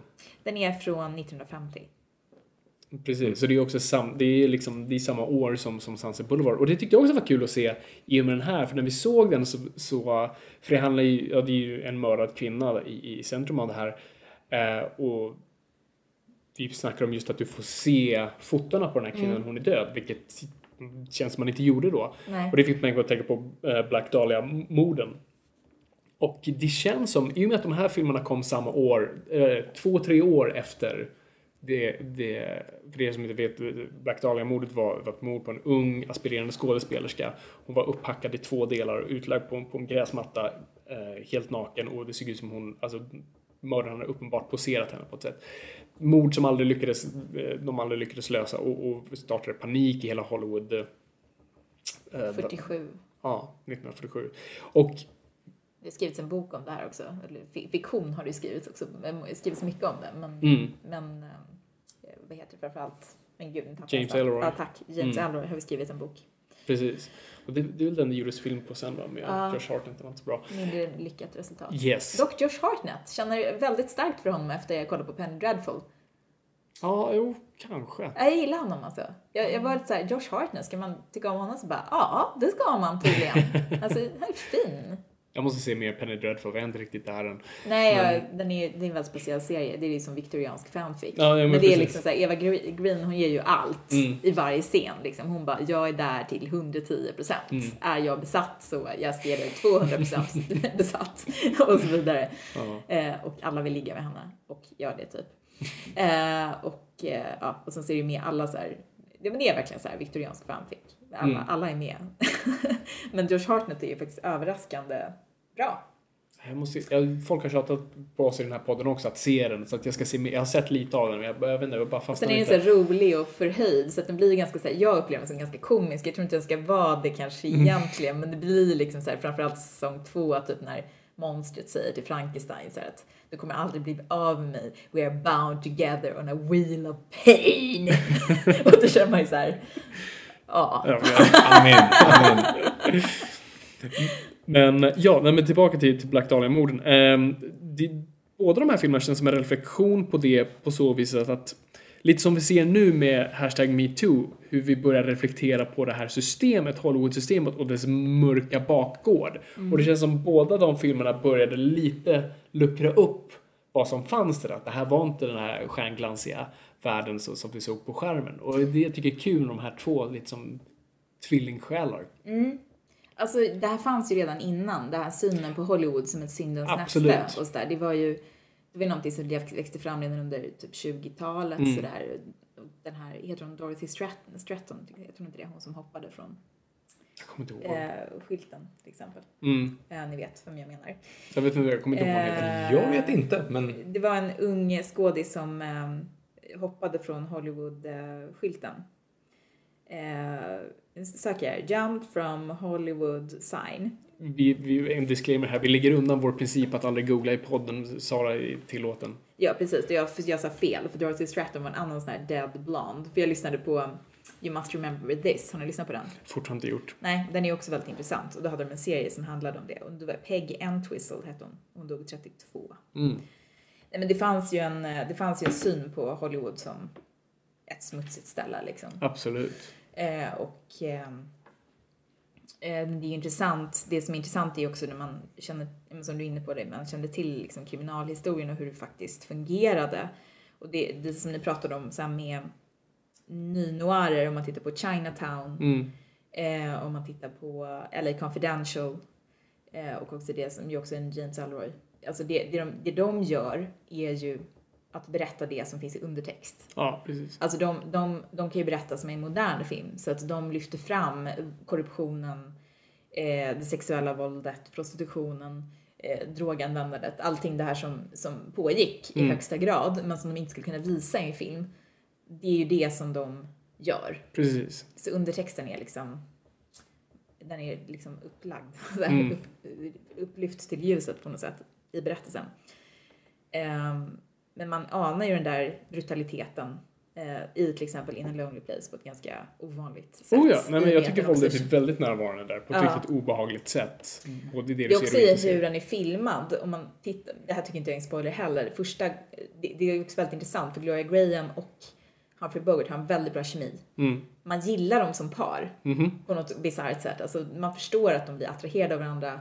Eh, man, vill typ att det ska funka på något Ja, ja, konstigt absolut. sätt. I alla fall till en början. Tills du inte vill det. Ja, och samtidigt när man tittar på filmen så är den så att hon, hon den här kvinnan som hittas död, hon har blivit strypt till exempel. Mm. Och när Humphrey Bogart tittar på, alltså han, han säger till Gloria Graham att han, just det, att han har känslor för henne, så är det liksom filmat på sätt ur hans perspektiv, liksom ner på henne och han håller sin hand liksom om hennes hals och det, det är ganska subtilt gjort så här.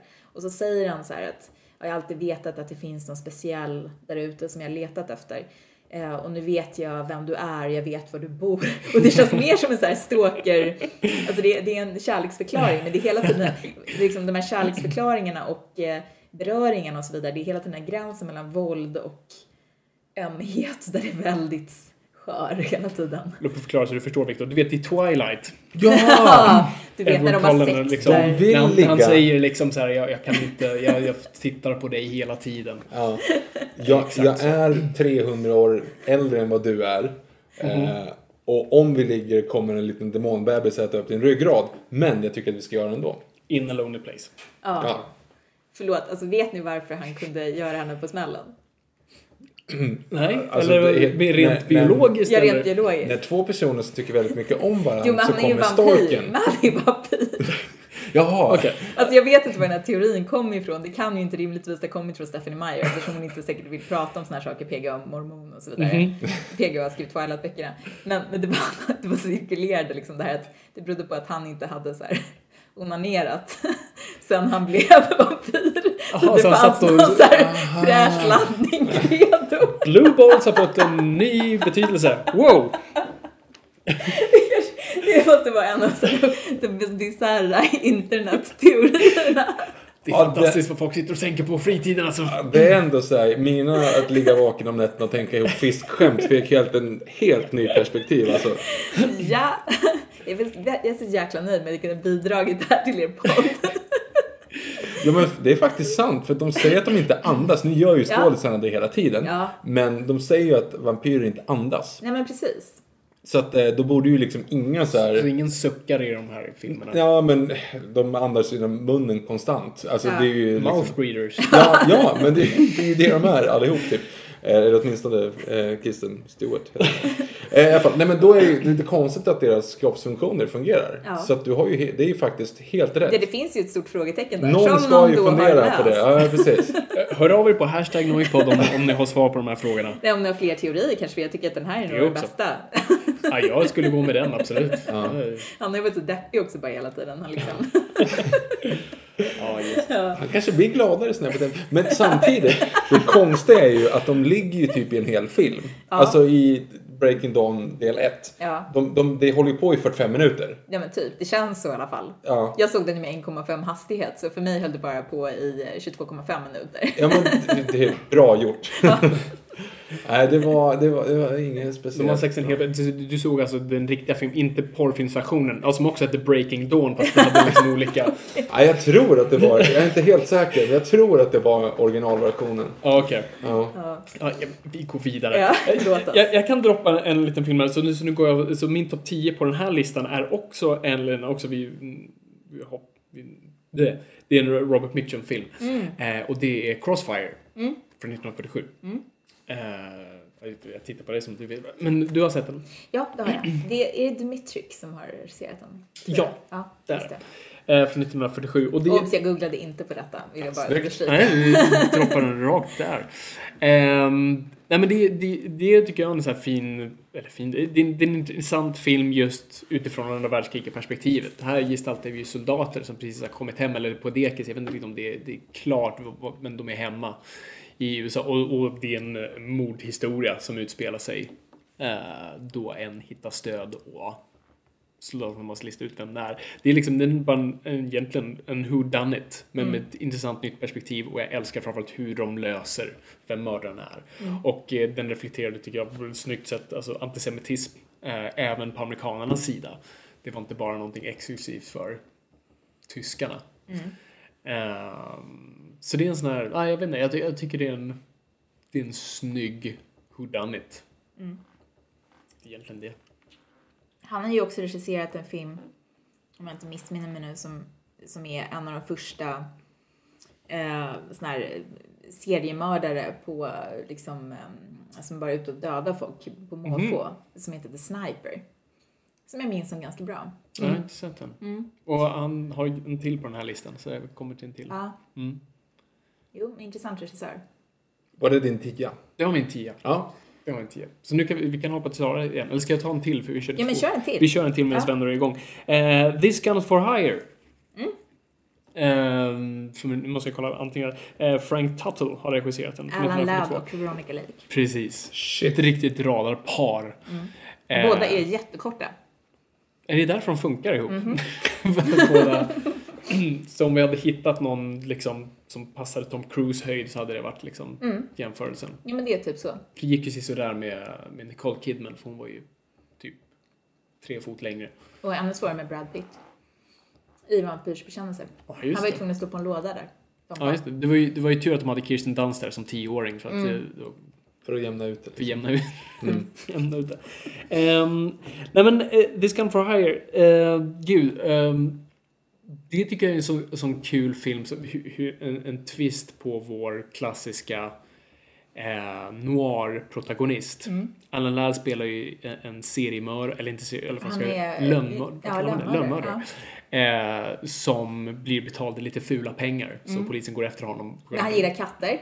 Och det är Och precis det. apropå med djur så tänkte jag på den filmen. Där är ju verkligen Där är- katter där- spelar en stor roll. Jättestor. Och det Hade är han levt idag hade han fått på alla kattkonton på Instagram. verkligen. Cats of Instagram, hashtag cats of För Instagram. det är en sån smart grej. För att de konstruerar karaktären i form att han säger knappt någonting. Han är en lönnmördare. Han är inte så villig att vara sympatisk alls. Eh, det finns ingen scen då han liksom håller ett brandtal så att vi förstår varför han är som han är. Utan han är ganska osympatisk, iskall och vill egentligen få fram lite så här psykologisk motivation. Jo, han har ju så li- påklistrad också. Så här, lite den här- Absolut. Ja, han har ju någon förklara- pseudopsykologisk Ja, monolog lite som är ganska typisk för den här eran också när man ska så här, det kommer in liksom så här, nu ska vi förklara den här brottslingens psykologi och så. Mm. Precis. Ja. Han, han ramlade ner i trolldrucken som barn. Ja, precis. Han hade med i en brunn, det var fladdermöss där, hans föräldrar var döda. Ja. Ja, jobbigt. Ja, hänt många. Eh, nej men okej, så bortsett från den, det är sant, den, den skär sig lite. Men, men annars är han väldigt osympatisk. Men det, det de räddar med att i öppning, jag tror det är öppningsscenen Först så ser vi honom mata en liten kattunge med mjölk och så kommer en städerska in och liksom försöker kasta ut den här ungen och han liksom slår ner henne för att skydda den här katten. Eh, och då vet vi att det här är en good guy. Slå städerskor. Det, Det beror på vad vi värderar. Kattungar eller städerskor. Ehm, man sen- förstår att han är, han är komplex. Han är komplex. Eh, nej, och det, jag vill också, han är inte en sympatisk karaktär så. Nu älskar Fabian tycker inte att man ska slå Nej, någon. man ska inte slå Även om, städerskor. även om man, eh, det finns en kattunge där. Precis. Men det är en rolig bara aspekt på att så här, Mm. vi sätter in den lilla grejen. Det är precis som man brukar göra det, det motsatta i en Hollywoodfilm. Man brukar säga att du kan vara en mördare och en pedofil eller vad som helst i, i en film och folk kommer oftast förlåta dig. Men skjuter du typ en hund du får aldrig tillbaka din publik. Mm. Eh, och här gör vi den motsatta grejen av så här, okej vi har en super osympatisk karaktär men han gillar katter. Mm. Inte kan man ha en hund som inte lyder. det är Lennart Jäkel i Jägarna. Ja, okej. Ja, Jag har det inte förlåtit honom för den än faktiskt. Kla- klassiskt också det där kick the puppy. Man ska visa att någon är riktigt ond så här. Får Mm. mm. något skadat djur så. Precis, och out of frame som man bara här. Ja. Ja. ja, men den är bra. Jag såg faktiskt om den ganska nyligen Ja. också. Eh, och den är ju, den, och där är ju liksom premissen ju att Veronica Lakes karaktär blir indragen i en slags gisslan, pågående gisslansituation Mm. helt enkelt. Eh, det är också ganska kul att kolla på den här filmen och sen kolla på Le Samurai som ju då är en Melville-film. Mm. Eller som på svenska har den märkliga titeln Samurai Killer. Ja, mm, det är ju konstigt. Spännande. Ja, väldigt Den heter inte Samurai Killer. Samurai Killer heter den på svenska och den heter Le Samurai. Alltså samurajen heter den på franska. Men de slängde ju in några sådana där. Fast jag vet inte hur gammal De ville kanske att det är. skulle låta lite häftigare, men den är från typ 67 kanske, någonstans ska jag tro. Mm. Eh, Jag trodde det var ett nytt kolla. fenomen. Ja, du får jättegärna kolla. Men jag Ja. tror det, det är... Ja, ja det, Jag trodde det var ett nytt 67. fenomen att döpa dem till engelska titlar. Eller typ på, ja, nej men det här var nog, det kanske, det kanske kom ut på VHS eller någonting, jag vet inte. Som eh, Miss Secret Agent. Ja, 67. Just det. Obs, Just. 67. Bra, 67. Ja, bra. bra. Ja. Snyggt. Eh, nej men det är ju en väldigt bra film eh, med Alain Delon Som ser typ ut som som alla. Alain Ladd. Och de har verkligen Identiska. otroligt lika och har liksom den där hatten och Mm. den här tysta seriemördaren. Han har ju en fågel, Mm. eh, Alain Delon i Le Samurai, eh, som han matar. Och, eh, och han är ju ännu mer tystlåten. Mm. och där är ju också så här, och det kan man ju ta, om man vill göra en liten tidsresa så kan jag föreslå att man kollar på Discount for Hire, Le Samurai och Drive.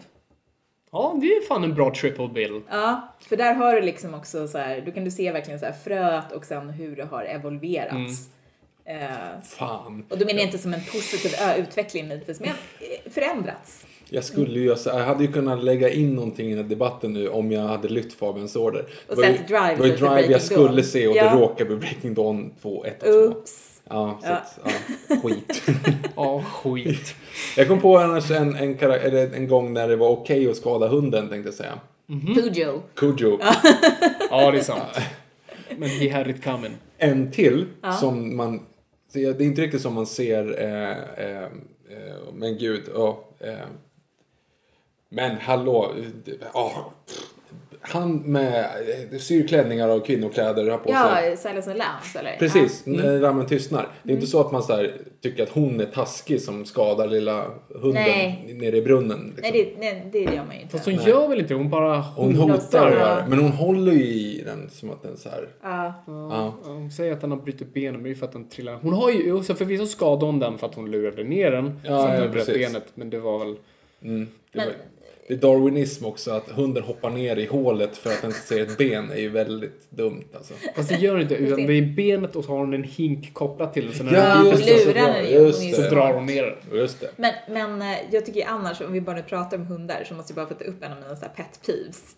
Som Pet inte är, peeves. ja, där, det är sån här favorit, lite så här fyndigt också det ordet. Det är Mhm. saker man stör sig på, som man gillar att störa sig på. Så mm. återkommande störningsmoment, pet peeve. Det var lite extra kul i det här fallet. Mhm. Eh, det är den här, vi måste rädda hunden-tropen, som ju var väldigt vanligt förekommande i filmer på 80 och 90-talen. Som är Oj. så här, vulkanen exploderar, vi måste rädda hunden. Precis. Eh, Okej, och jag älskar hundar. Okej, jag gör det. Men ibland så känns det verkligen så här.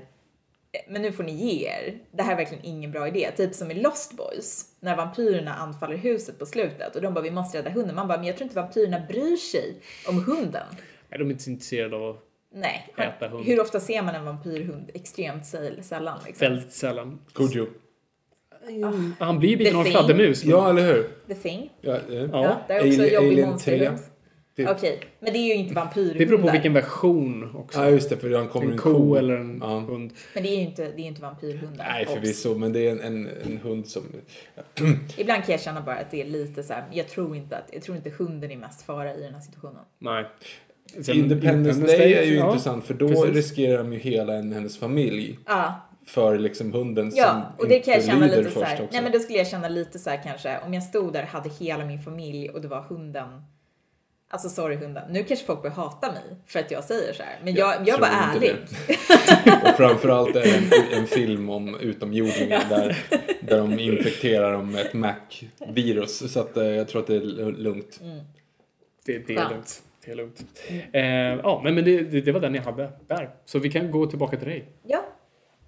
Vad kul. Mm. Ska vi då ta en av våra andra filmer som vi tittade på eller ska jag kanske gå till... eh, Ja, men gå på någon annan där som, som jag inte har sett. Ja, ja men då, då tror jag att vi går på en film som eh, eh, kom eh, 57. Mm. Så att det är ju precis i eh, slutet av den här fasen. Precis. Som jag nog tycker börjar tidigt 40-tal.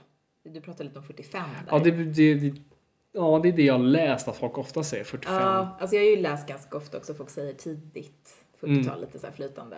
Alltså själva termen myntades väl 1946 av Nino Frank var det väl? En jag fransk det, ja. filmkritiker som ju skrev då, det var ju så som termen kom in överhuvudtaget, att det var franska filmkritiker som började prata om Precis. en, en trend bland amerikanska filmer som de då kallade film noir. Så Exakt. att det var ingenting som, som de själva sa så här, vi gör film noir. Nej, precis. Det är inget man stämplar det på papperna. Det var, det var fransmännen som hittade på det och sen har det liksom blivit som ett begrepp. Men den här filmen i alla fall eh, heter eh, Sweet Smell of Success. Och eh, den, eh, det huvudrollerna spelas av Burt Lancaster och Tony Curtis. Mhm. Eh, och den utspelar sig i New York. Eh, apropå när ni pratade om att inte, de är oftast i Los Angeles, inte i New York. Precis. Men här har vi en i New York. Här är en New York. Och det är väldigt mycket New York. Eh, det är liksom mycket inspelat on location och man får verkligen den här känslan för staden. Eh, och eh, det är ganska roligt för i In a Lonely Place så eh, finns det en scen där en kvinna återberättar en bok som hon har läst där hon berättar om ah, det är en kvinna som bor på eh, Long Island och, hon, och hennes eh, dejter tar ut henne på 21 och El Morocco The Store Club och de går på alla de här klubbarna i den här filmen. Så det tyckte jag var lite kul för jag såg den verkligen igår. Så, att Så det är också en hade- bra double bill. Att se den där först och läsa vad de pratar om. Precis. Eh, det den här filmen handlar om, där har vi en riktigt osympatisk huvudperson som spelas av eh, eh, Tony Curtis då, eh, pressagenten Falco. Så det hans jobb är att han eh, jobbar med olika eh, människor i nyhetsbranschen på olika sätt. Och det kan vara en klubbägare eller en komiker eller någonting. Och så är hans jobb att få in deras namn i tidningen helt enkelt. Och liksom få folk att gå till deras klubb eller gå och kolla på deras show. Och han är helt, eh, har inga skrupler överhuvudtaget, otroligt hal och eh, manipulerar folk eh, till höger och vänster. Och han är kompis med JJ som då spelas av Burt Lancaster som man inte får se en, förrän en bit in i filmen, men som är den mest fruktade kolumnisten i New York. Så att han kan liksom döda folk verkligen i sin eh, eh spalt. Då journalister fortfarande hade makt. Ja, precis. Han har 60 miljoner läsare och eh, han kan liksom göra någon och han kan döda dem. Och, eh, och för den här Falco har det varit väldigt viktigt för honom då att ha JJ som en ingång. Nu kan inte han göra sitt jobb när han inte har det. Eh, för det är nämligen så att JJ har begärt att Falco ska se till att JJs systers romans med en ung musiker ska upphöra. Han vill inte att de ska träffa varandra. Och det har Falco inte lyckats med. Och så utspelar sig under egentligen under ja, det är typ, ja, som under ett par dagar. Eh, och eh, hur den här Falco försöker eh, bryta upp den här romansen samtidigt som han försöker vinna tillbaka då eh, JJs förtroende. Och den här JJ är en otroligt osympatisk människa, väldigt, väldigt obehaglig. Eh, otroligt välspelad. Både, alltså både Tony Curtis och Burt Lancaster är helt fantastiska i den här filmen verkligen. Ja, du visade mig bara en scen ja, den var, kan, knappt ha varit två minuter, man bara blev inslukad utan att jag visste storyn, Ja, var mitt i filmen. Ja. Alltså, otroligt var den bara. dialogen Mm. är liksom, den är så tight, på pricken, rolig, alltså mörk som fan. Mm. väldigt hemsk. Eh, och väldigt så här, en väldigt otäck historia också just för den här JJ, han kontrollerar verkligen sin syster. De bor tillsammans också i samma lägenhet. Och eh, han vill liksom ha makt över hennes liv på något Mm. sätt. Han vill inte att eh, hon ska bryta sig loss. Det är en otroligt bra film. Eh, Mm. och den är Eh, den är då regisserad av Alexander McKendrick som har regisserat The Lady Killers. Och, Mhm. Inte eh, bröderna Coens. Inte Nej. Coens. Tack. Och manusförfattaren Ernest Lehman som gjorde eh, North by Northwest skrev han. Ja. Så det, är- det är väldigt, eh, och fotot är otroligt snyggt. Eh, och det är ganska roligt också för det är då James Wong Howe som har eh, fotat den. Och eh, jag menar, vi prat, ni pratade lite om det här med att det är otroligt mycket vita män i, som har gjort de här filmerna och är i filmerna. Men det här finns en eh, kinesisk-amerikansk fotograf som eh, kollade upp, jag känner inte till honom så, men jag var verkligen, det här fotot är så läckert. Så kollade jag upp honom, han var ja, väldigt eh, eh, liksom så viktig Ja. eh, fotograf som har hyllats. Häftigt. Eh, ja men det här är en riktig helgjuten toppenfilm skulle jag säga. Mm. Jag uppskattade den nästan ännu mer andra gången jag såg den. Men så tycker jag ofta att det är med noirer. Har, Lite, precis, för du är lite lost första gången, ofta som de har en riktigt så här komplex. ja men jag tycker ofta att det blir sådär att överhuvudtaget med film kan jag bli Mm. lite så här att jag kan sitta och bli nästan lite störd av att det är spännande Mm. ibland för att jag inte vet hur det ska gå. Eh, och sen när jag vet hur det ska gå, då kan jag mer njuta av eh, Precis, upptäcka saker. och bara välgjort det är. Ja, jag är verkligen med. För några år sedan så träffade jag en person som berättade att han alltid läste på Wikipedia hela handlingen på film innan han såg den. Och då tänkte jag så här, men du är ju knasig. Men så här, i efterhand har jag börjat förstå det där mer Ja. Mer. Kanske en Men är det åldersgrej. inte bättre jag att se den två gånger i så fall? Jo, absolut. Alltså, Jo. då har man ju båda vinklarna av det. Men man kan väl se- säga att hans sätt var mer tidseffektivt eller Sant. nej. Fast jag tycker nog faktiskt att det är, det är någonting annat med en serie själv. För annars kan det bli, om man vet för mycket med film, att man sitter och väntar på att grejer ska hända också. Det Mm. kan också förstöra upplevelsen. Ja, gud ja. Eh, men i alla fall så, Mm. skitsmäll och success. Står också Kul. på framsidan på det här DVD-omslaget har en av världens 50 bästa filmer. Ja, precis. Det är lite I citat. omröstning bland över 100 regissörer i Sight and Sound. Oh, ja det är ju... Ja, men det är en sån här är riktig regissörsrulle också Mm. som eh, kan, kan man tänka sig. För de, de gör väldigt många. Där har också en ruggigt kor korrumperad snut. Mm. ja, men den är verkligen toppen Kul. på alla sätt. Ska Fabian ta lite grann på sin lista? Ja, jag hoppar vidare. Min Eh, lista är ju ganska kort kan jag ju säga. Ska du, slänga in ett fiskskämt här nu? Ja, jag skulle kunna it. dra en ansjovits. Oh! Ho! Okej. Vi, vi tackar Viktor för den. Ja. nu, nu kommer det nästan en liten trilogi av filmer eh, med den gemensamma nämnaren Orson Welles. Ehm, så på plats nummer sju så har vi Touch of Evil. Filmen som, som vissa anser avslutade noir-genren. Ehm, Under lång tid ganska regerande mästare när det gällde en obruten åkningssekvens också med inledningen där. precis, den legendariska inledningen. Ja. Med kranen där i helt... eh, Ja, nej, det är en fanta- Och det är så många som har kopierat den efter det. Ja, Eh, nu senast, senaste Bond-filmen eh, som också utspelar sig i Mexiko då har såklart en lång trackshot. Um, jag, tycker, jag, jag är ett stort uh, Wells-fan eh, och jag tycker verkligen han satt en fin så här, slutstämpel på det. Lite som jag pratade om i vårt första avsnitt här, just att han spelar den här, han spelar ju själv då den här noir-arketypen vars tid är förbi. Han är nykter nu för han får inte dricka längre, han är fet. Eh, kvinnan han älskade har gett upp och honom, alltså, all, liksom allt är över och han håller på att ersättas av den här nya hjälten då som, som gestaltas av Charlton Heston som är nu en polis med moral och en eh, tydlig ja, här rättfärdighet till sig själv. Och de två clashar då eh, kring då det här brottet som sker på gränsen mellan Mexiko och USA. som i bron. Vi kan dra den referensen. Och Förlåt. Jag gillar bron. Jag vet inte varför. det är inget fel på bron. Jag bara så här, Orson Welles, ja, jo. dansk film, TV. Nej, men jag, jag, jag, jag har faktiskt bara sett uh, Touch of Evil en gång. Mm. Eh, jag tycker ju att den... eh, jag tycker inte att den kanske har överlevt som helhet. Mm. Mycket beroende på det här superrasistiska med Charlton Heston är liksom sminkad som Den ska du ha med där. Som ni, ja men som ni också tog upp sist. Det, är- Ja. det är ju verkligen illa. Brownface. Ja, eh, men också att den inte är så himla... Alltså det finns ju grejer i den som är, som är häftiga som den här eh, Mm. inledningen och så vidare. Men det är Orson Welles. Man kan ju nästan titta på hans scener. Alltså det är lite så, han, när han kommer in så händer det ju någonting. Ja, Med absolut. filmen verkligen. Han är han, är. Mm. han är magnifik i, i den. Det är han verkligen. Men jag kan rekommendera att se, se om den just Mm. av den här grejen och bara att nu kan man slappna av i filmen. Jo, Eh, och just det också hur, hur liksom den tar upp den nya den här initiala chocken också lagt sig över den här Charlton Heston. För jag visste inte om det faktiskt när jag såg den. Så jag Nej, va? snubben från apornas planet. Nej men alltså ja. Det var lite som när jag såg Breakfast for Tiffany's första gången också med det här fruktansvärda. Alltså det, det är så, det är så anskrämligt så att jag tycker inte det är en särskilt bra film överhuvudtaget. Alltså det finns vissa scener som är fotot är gudomligt snyggt verkligen. Det är det. Men, men som helhet, jag vet inte. Boken är bättre.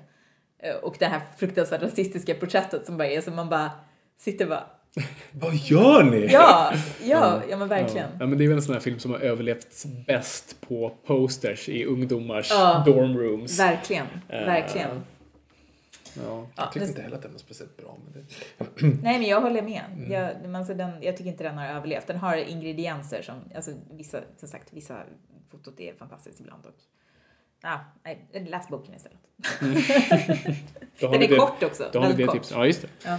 Ehm, ja, nej, men jag, jag har inget mer att tillägga på. Det är Touch of Evil helt Ja. enkelt. Eh, filmen som avslutar film noiren. Vi går vidare. Men ska du inte ta en till då? Jag tar en till. Du har ju Ja, några fler kan du inte köra bränna av din trio? Min trio här. Okej, så nummer sex är då Lady from, Shang Lady from Shanghai. Jag undrar om den skulle dyka upp. Ja. den alltså? Ja. Ja, det var också en sån här. Första gången jag såg den bara, nope, fattar inte. Nej, det här var inte bra alls.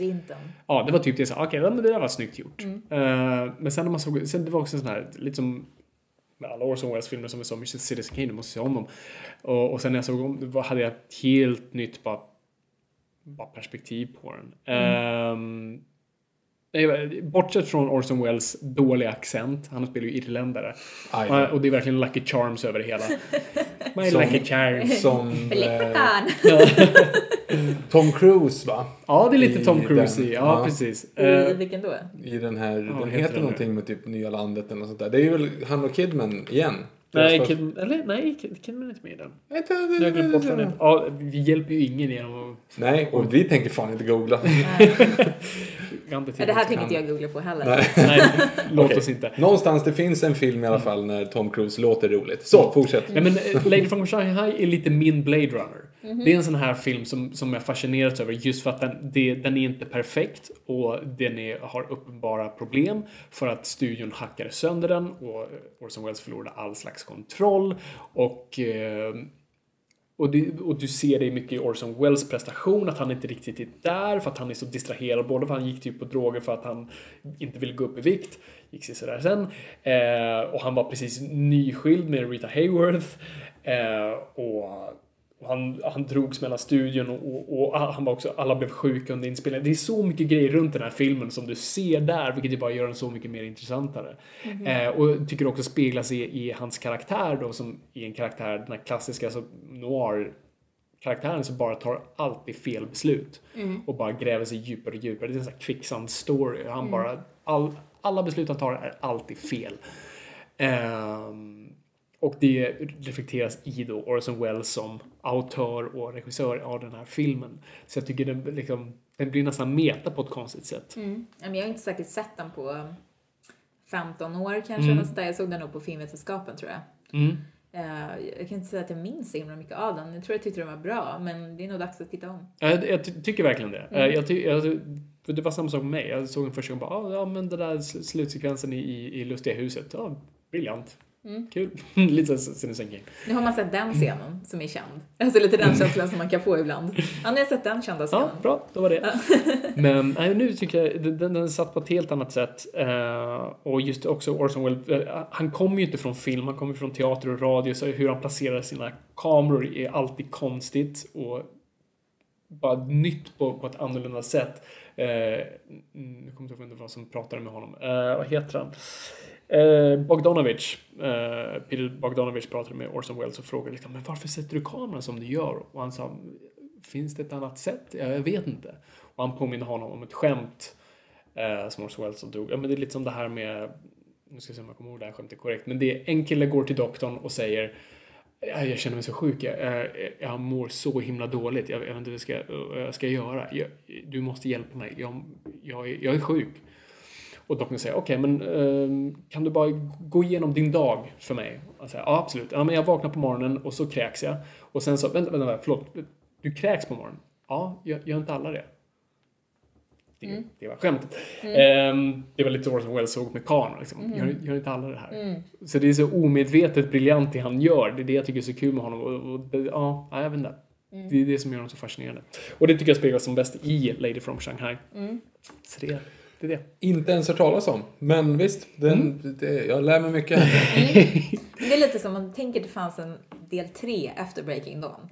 Det är lite som den filmen. Jaha, men då, då förstår jag. Ja, men så det är bra. När de har liksom, när de har tröttnat på varandra, de inser att vi är gifta och vi kommer leva för evigt. Vad fan ska vi göra? Bokstavligt talat. Liksom. Ja, precis. Ever after. Ja. Ja, det tycker jag vi ska... Vi kan prata med Cinemateket om det. Kan vi köra Triple Bill, köra de ser Breaking Dawn Part 1, Part 2 och sen Lady from Shanghai.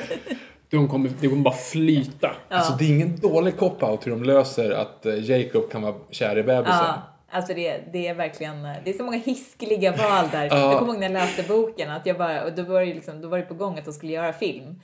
Och jag läste den här boken med- med så stigande fasa och var också så här, bara, hur fan ska de göra film på det här? Men slutfighten är ju ett stort antiklimax i boken. Det bara står att det kommer ett gäng och så står hon och skyddar alla där. Och så bara skydda, skydda, skydda, skydda med sin magiska kraft. Som är förstås den bästa vampyrkraften som hon någonsin har haft. Hon har, hon har en magisk kraft, bara disclaimer Fabian. Så att du som Ja. inte har hängt med, som inte sett Ja, filmen. så att, Och sen så, och sen så bara skydda, skydda, skydda, skydda. Och sen så går de typ. Eh, och då har de ju löst det här också på det fulaste sättet någonsin. Och då tänker jag spoila Breaking Dawn du, part 2. Okej, så för er som inte vill eh, ha Breaking Dawn. För er som sitter med mera. Blu-rays på den här filmserien och bara Nej, jag har inte kommit dit än! och Säg då har de ingenting. ju så att då Pausa. sätter de igång en, det är liksom hon som har eh, psychic eh, powers, vad heter hon, Alice. Hon går fram. Jag kommer inte ihåg vad hon heter. Ja, men du såg henne nyligen. Jag, jag tror hon heter Alice. Och så går hon fram i alla fall och så, så typ börjar hon snacka med ledaren för de här andra vampyrerna och så bara och sen blir det en fight och så börjar de liksom döda varandra så blir det så här episk fight över isen och bara eh, typ huvuden flyger och de liksom dödar folk. Ganska Och sen bara grejer. klipp till tillbaka till att hon står framför den där Volturian då och bara That's what's gonna happen if you're not living right now. Alltså så, här, så det här var liksom, det var Yes. som att hon gav honom en vision Yes. av, för att de bara vi kan inte sluta filmen med att det inte är någon fight och det här var deras lösning. Kunde inte bara Patrick Duffy klivit ut ur duschen där och då? Ja, nej men ja, det var lite den känslan. Ja. Det, var, det var hemskt faktiskt. Det var riktigt dåligt. Ja, Men det är inte därför vi är här. Nej. Jag, avslutar min lilla Orson Welles-trilogi här med, med ganska uppenbart på nummer fem, The Third Man. Som, Som du, har sett! Som du har sett! Yes! Mm. Eh, den var okej. Som inte är regisserad av Orson Welles, utan det är Carol Reed. Mm. Ehm, där Orson Welles bara spelar egentligen tit ja, titelkaraktären som kliver in efter typ halva filmen. Mm. Och bara briljerar ännu en gång. Och bara, ja ah, just det. ska ni sjunga bäst." Harry Lime theme nu eller? Nej. Jo, gör det. Ta ton Victor. Jag kommer inte ens ihåg hur den går. Ja, Just det. ja.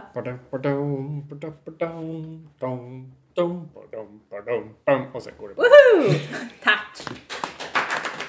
Det behövdes kände jag. Yes. I men alltså, det- den, den, här är ju, det här är kanske på min lista kanske den enda som inte är amerikansk. Den är ju en brittisk film noir som utspelar sig då i eh, postkriget i Wien. Eh, på location, där med bland massa sprängda byggnader och verkligen bara grottas i det ämnet helt och hållet. Och det var ju fantastiskt. Det var det bästa med filmen. Mm. Att det var liksom, men det är ju lite fusk, för så var det ju. Så att det är inte så återspeglat. Så att, men det, nu kommer jag på vart jag har hört den där förut. Är det inte den som Kaminmannen visslar? Mom deserves the best, and there's no better place to shop for Mother's Day than Whole Foods Market. They're your destination for unbeatable savings, from premium gifts to show-stopping flowers and irresistible desserts. Start by saving 33% with Prime on all body care and candles. Then get a 15-stem bunch of tulips for just $9.99 each with Prime. Round out Mom's menu with festive rosé, irresistible berry chantilly cake, and more special treats. Come celebrate Mother's Day at Whole Foods Market. Flexibility is great. That's why there's yoga. Flexibility for your insurance coverage is great too. That's why there's United Healthcare Insurance Plans. Underwritten by Golden Rule Insurance Company, United Healthcare Insurance Plans offer flexible, budget friendly coverage for medical, vision, dental, and more. One of these plans may be right for you if you're, say, between jobs, coming off your parents' plan, turning a side hustle into a full hustle, or even missed open enrollment. Want more flexibility? Find out more about United Healthcare Insurance Plans at uh1.com.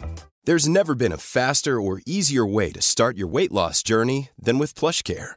PlushCare accepts most insurance plans and gives you online access to board-certified physicians who can prescribe FDA-approved weight loss medications like Wigovi and Zepbound for those who qualify.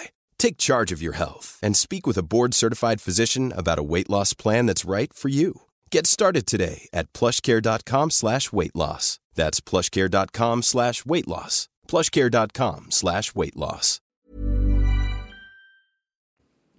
Ah, Göran! Är det inte det? Inte Göran, utan Kaminmannen. Nej, jag- Men eh, från eh, Percy Tårar. Nej, det är, det är, inte, det är inte Percy Tora. Det är väl spermaharen? Nej, det är Percy. Tora. Ja. Jag kan inte svara på det här. Men Ja. däremot kan jag säga att eh, om vi ser mer som av Carol Reed eh, så kan man ju titta på Odd Man Out Som jag också försökte fånga till, den här, till det här avsnittet. Jag lyckades inte med hitta. James Mason. James Mason. Och det utspelar sig på Irland. Och eh, han är en eh, sårad eh, irländsk nationalistledare så på nord, i Nordirland som försöker undkomma polisen i Belfast. Väldigt stämningsfull film. Också Odd Man Out. location i Ja, Belfast. precis. Och den är också, den är ju helt klart noirig Mm. i alla fall. Ja, men den räknas definitivt som en, som en Eh, noir. Om man vill se, som sagt, Mm. som inte bara är amerikanskt. Precis. Helt rätt. Ehm, ja, nej, men vi har pratat om Thurman i, i, i, Mm. i avsnittet så jag behöver inte grotta mer, Nej. mer i mer att den är grym, tycker jag. Nu går vi till Sara Eh, igen. Sara? Ja, men då har jag eh, ytterligare en film här som, som vi också såg nu här. Yes? Och den heter Laura och det är Otto Preminger som har regisserat den. Som är en sån här riktig noir-regissör. Mhm. Också regisserade Anatomy of a Mur- Murder. Just det. ehm, som inte är, det är mer en rättegångs, rätt, rättegångsdrama. Mm. Ehm, men Laura är en väldigt speciell film. Eh, den är från eh, 44. Och det är Dana Andrews som spelar detektiv och Jean Cherny som spelar eh, Laura då, som ju är kvinnan som hittas mördad i början av filmen. Mhm. Eh, och sen så, så har man också med, som, lite som Cicerone i början, eh, en, eh, en karaktär som heter Waldo Lydecker som spelas av Clifton Webb. Som är en, ytterligare en eh, kolumnist faktiskt. Kvällens andra. För för er barn där ute som lyssnar, så, alltså, makten som de här individerna bar på, det är lite som Pewdiepie idag. Precis. Ja, det som var referens. innan han Ja, just det. Ja, just Nej men det, det, det var ännu mer också skulle man kunna säga för att idag så är ju medielandskapet mycket mer splittrat. Mhm. Att, att vissa individer liksom eh, har väldigt mycket makt hos vissa grupper. Ja, och vissa träffar aldrig liksom på, vissa vet inte ens vilka de är. Alltså du kan liksom, en stor del av befolkningen vet inte vilka de här personerna är. Eh, medan en annan stor del är liksom otroligt insatta i Mm. deras åsikter och så, mycket, och så vidare. Men det här var ju mer brett. Det var ju mer som SVT liksom. Mm. att alla kollade på samma program.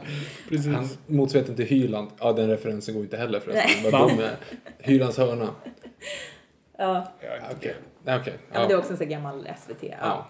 Men, eh, men han är i alla fall väldigt fruktad och han har som en ung protegé då i den här Laura och som hittas död och då börjar den här polisen eh, som spelas av Dina Andrews utreda det här och kan träffa även på hennes eh, eh, väldigt slippriga eh, fästman som spelas av en väldigt ung Vincent Price. Jag blev chockad för det är sån här, det är som jag sa till dig, alltså Vincent Price kan jag bara se som gammal. Ja. Det är lite som Christopher Lee, du kan inte se honom som ung. Han är alltid gammal. Ja, jo.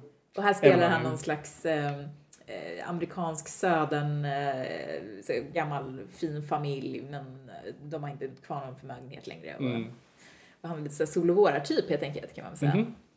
Och så handlar det då om hur den här snuten försöker ta reda på vem dödade Laura. Exakt, och låter det konstigt så här, vem dödade Ah, Laura, Laura? Palmer. Ah. Den här filmen har väldigt många Twin Peaks. Mhm. Eh, alltså Twin Peaks, det finns mycket, många referenser, många kopplingar Mm. mellan de här två filmerna, eh, filmerna och eh, serien. Laura Waldo, som är den här fågeln. Mhm. Eh, finns även en eh, karaktär som heter Jacoby. Mm.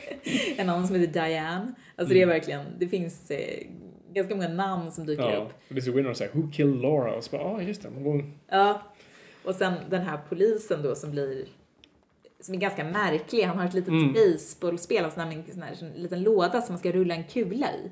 mm, Ehm, som han liksom tar upp och spelar när han blir lite stressad. precis. Nej, men det, är, det är lite som Cooper. Cooper definierar sig ju aldrig karaktärsmässigt av vem man typ, vad vi vet om honom, utan det är snarare alla små quirks han har. Och så Mm. Ja. lite samma sak här. Den, här den där poliskaraktären har berättar inget om sig själv, vi vet knappt någonting om honom. Mm. Utan det är de här små detaljerna. Hur han rör sig eller hur han, som du säger, med den lilla grejen och... Och så blir han ju mer och mer investerad i det här, personligt investerad i det här fallet också. Precis. Där, och där precis som i In a Lonely Place har man också ett slags perspektivförflyttning där. Att man börjar hos den här krönikören och sen så blir det mer och mer polisen Mm. som man får följa. Så att, eh, ja, men den är, den är väldigt speciell eh, och väldigt spännande. Så vi ska kanske inte säga så mycket mer. Nej, det- det den har några riktiga, Den har några vändningar. ja, som är väldigt, eh, väldigt roliga faktiskt. Och den var ju nominerad till fem Oscars den här Mhm. eh, filmen. Bara som liten Välförtjänt. Nej, jag tycker den var riktigt bra. Jag tycker Mm. den var riktigt, också en kul, annorlunda noir som inte riktigt gör Ja, det vi har trott det. Och det är, som, alltså, det är lite som ett kammarspel nästan. Alltså, det är väldigt mycket bara i, i det här rummet där det nästan Ja. skedde. Nästan lite Hitchcock över det på så vis. Och den här Laura-karaktären också som man ju får då får möta i flashbacks och så, hon är ju också en, eh, en yrkeskvinna verkligen, Mm. som har gjort karriär. Eh, och eh, inom reklamvärlden. Precis. Och det är också en ganska ovanlig typ av gestalt i Mm. noir-världen. Hon har oftast byxor på sig. Ja, ja men hon är Men liksom, herregud, Ja. det är ingen ordning. det är ingen ordning alls. Nope. Nej, Nej, det är jättebra. Eh, ja, jag rullar vidare. jag gör det. Eh, då ska vi se, nu är, jag, nu är jag på nummer fyra och det är en film vi har nämnt eh, och det är Gilda. Mm. Som jag tycker jättemycket om med Rita Hayworth och Glenn Ford. Mm. Med, alltså,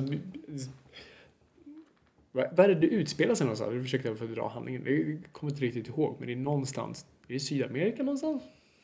Åh herregud. Vi säger så. Eh, nej, men, Nattklubb. nattklubbsvärlden någonstans. Där en ung liten skurk eh, får jobb på ett kasino. Eftersom han är skurk så vet han hur skurkar rör sig. Så han får jobb av en kasinoägare att eh, gå omkring och fånga andra skurkar. Och de It takes a thief to catch a thief. Precis. Eh, och han och den här ägaren verkar ha en väldigt, så här, väldigt eh, nära relation. eh, som bara män kan ha. Eh, men sen en dag så visar det sig då att den, den här kasinoägaren har sig en fru i Rita Hayworth som, som är då Gilda och det visar sig då att Glenn Ford och hon har haft en tidigare relation. Gilda, are you decent? Världens bästa introduktion på en karaktär. Hur de bara sveper in med håret. Hon är inte decent någonstans. nej, gud nej. Eh, Vilket är varför man älskar den också. Ja, och, det är just, och jag tror jag nämnde det i något i tidigare bara avsnitt lite snabbt att det är, det är den bästa hämndscenen i en noirfilm som inte har med liksom mord eller eh, bara liksom hämnd i, i det klassiska sättet vi ser på det utan det är hämnden begås i form av ett dansnummer, ett sångnummer. Eh, Men vadå, det gör de ju i Spiderman 3 också ju. Du vet när han ska göra Mary Jane Herregud, avundsjuk. jag har aldrig tänkt på det så. Det kanske var det Sam Raimi ville göra. Så jag ville bara göra Gilda och alla hatar mig för det. Eh, inte riktigt som Spider-Man 3. Men, eh, men jag förstår vad du menar. Nej, men jag tycker alltså Rita Hayworth gör den filmen för mig. Och eh, hur vi också har, här har vi, det är ganska kul. Alltså Laura, Gilda, vi har två filmer där kvinnan är titelfiguren. Eh, och här är ju hon kanske då, ja hon är ju vår femme fatale fast på ett lite annorlunda sätt. Och här har vi också en kvinna använder de medlen hon har för, för att slå sig fram. Eh, och, och just hur vi har ett par som inte ska vara ett par. Eh, som är så här, det ultimata destruktiva förhållandet. Som man bara, så här, det är bara en tågolycka du bara ser framför dig. Eh, jag vet inte, jag tycker den är Du, den här kommer jag visa dig som Viktor. För den har ju, för den är så här snudda på musikal ibland, vilket är väldigt trevligt. Ja, och det gillar du. Ja, eh, alltså, fast jag tycker...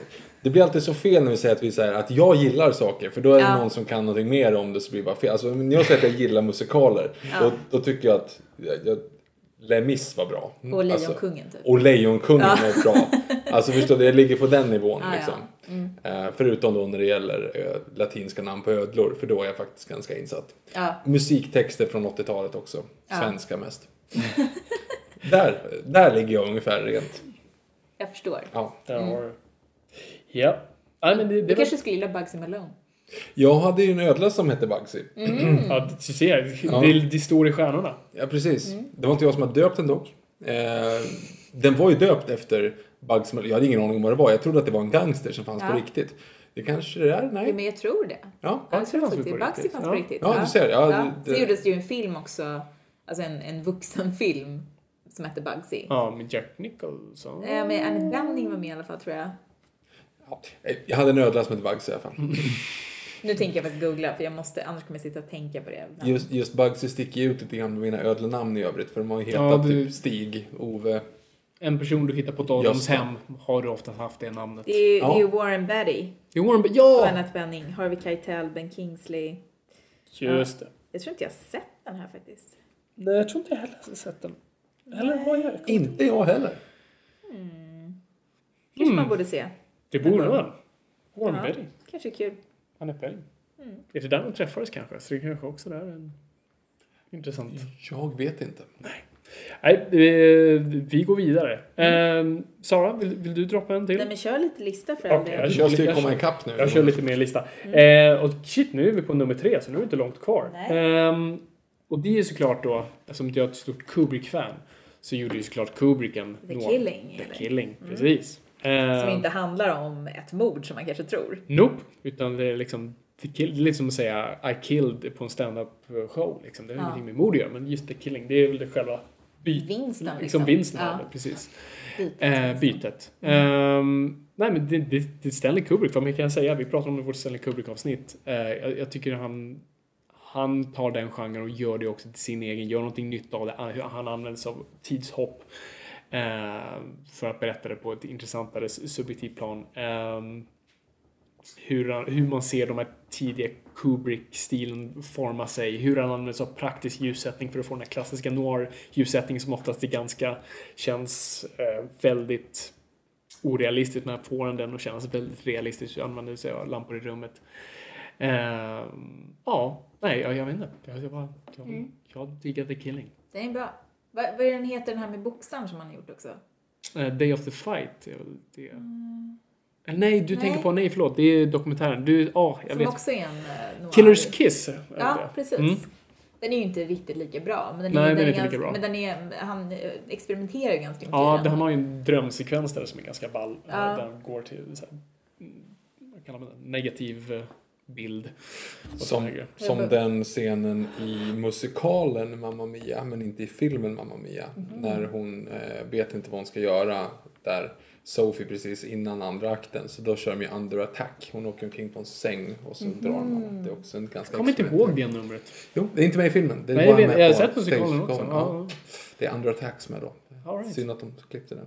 Ja, ja den, var, den var inte med i Killers Kiss, men det, det är någonting liknande. Eh, men det är intressant också så här, tänker jag med, eh, apropå med tidshopp och tid. Mm. Så eh, måste jag bara, det var en lite ful segway, men jag måste ändå flika Mm. in för det får mig att tänka på en eh, proto-noir-film kan man säga. Okej. Som heter Le jour se lève, Dagen gryr. Ja, inte sett. Nej, Nu är här- på franskt territorium. Nu är vi inne på franskt territorium och vi är inne på 30-tal. Eh, och det är väl Michel Carnet, tror jag, som har regisserat den. Nu tänker jag googla. Eh, jag bara bryter ert. Och som Eh, sagt, det är vår regel. Det behöver inte gå ut över dig. Nej, sant. För att vi frustrerar Eh. våra lyssnare varje vecka så behöver inte du göra det. Precis. Eh, och jag skulle gissa att den var från 38, men den var från 39. Eh, och det är Marcel Carnet heter han. Eh, och den här filmen då eh, handlar om eh, Jean Gabin som spelar en roll som heter François. Och eh, han eh, träffar en, eh, en ung kvinna som har en väldigt obehaglig relation med en eh, slags cirkusartist. han har en massa hundar som han dresserar och verkligen plågar, apropå onda människor som plågar hundar, så får vi binda ihop det här också. För han är riktigt, riktigt vidrig verkligen. Mm. Så att eh, han gillar inte då att hon ska träffa någon annan. Så blir de indragna liksom i ett slags triangeldrama de här tre. Och, eh, och den är verkligen också en så här, en, en protonoir då kan man säga för att den, eh, den har väldigt många av de här te- temana. Och den börjar med slutet, att den börjar med att eh, att en, en man blir skjuten och sen är det då en åter, ett återberättande. Men det här greppet att berätta på det sättet var så nytt. Ja, ja. Så att Säkert. producenten har infogat en skylt i början där det står eh, Saker och ting händer inte i kronologisk ordning i den här filmen utan det börjar med slutet och sen kommer ni få se Herregud. vad ledde upp till det här. Det är ganska fascinerande. Men det här är mycket bra film eh, som jag verkligen varmt kan rekommendera och den har som sagt väldigt många av de här eh, noir-elementen också. Det här med eh, ja, de här otäcka liksom relationerna och också så här, hur det går för den här mannen då som blir indragen i det här spelet och slutar med liksom att han skjuter någon. Mm. Eh, Vad var det den hette igen? eh, Dagen gryr, Dagen eh, gryr. Le jour se lève. Mm. Bra. Mycket bra. Bra tips. För att vi har ju liksom det franska spåret också. Mm. Lite med Tonar var ju därifrån. Och sen så har vi också eh, Sen har vi också en eh, amerikansk eh, regissör som heter Gilles Dassin som gjorde The Naked City tror jag det var den hette. Och sen åkte han eh, iväg till Frankrike och gjorde Rififi eh, Har inte sett. 1955. Eh, eller vad heter den på eh, franska? Ja, jag kommer inte ihåg det. Eh, den handlar ju om ett bankrån Mm. och är också väldigt besläktad med noir-genren. Mm.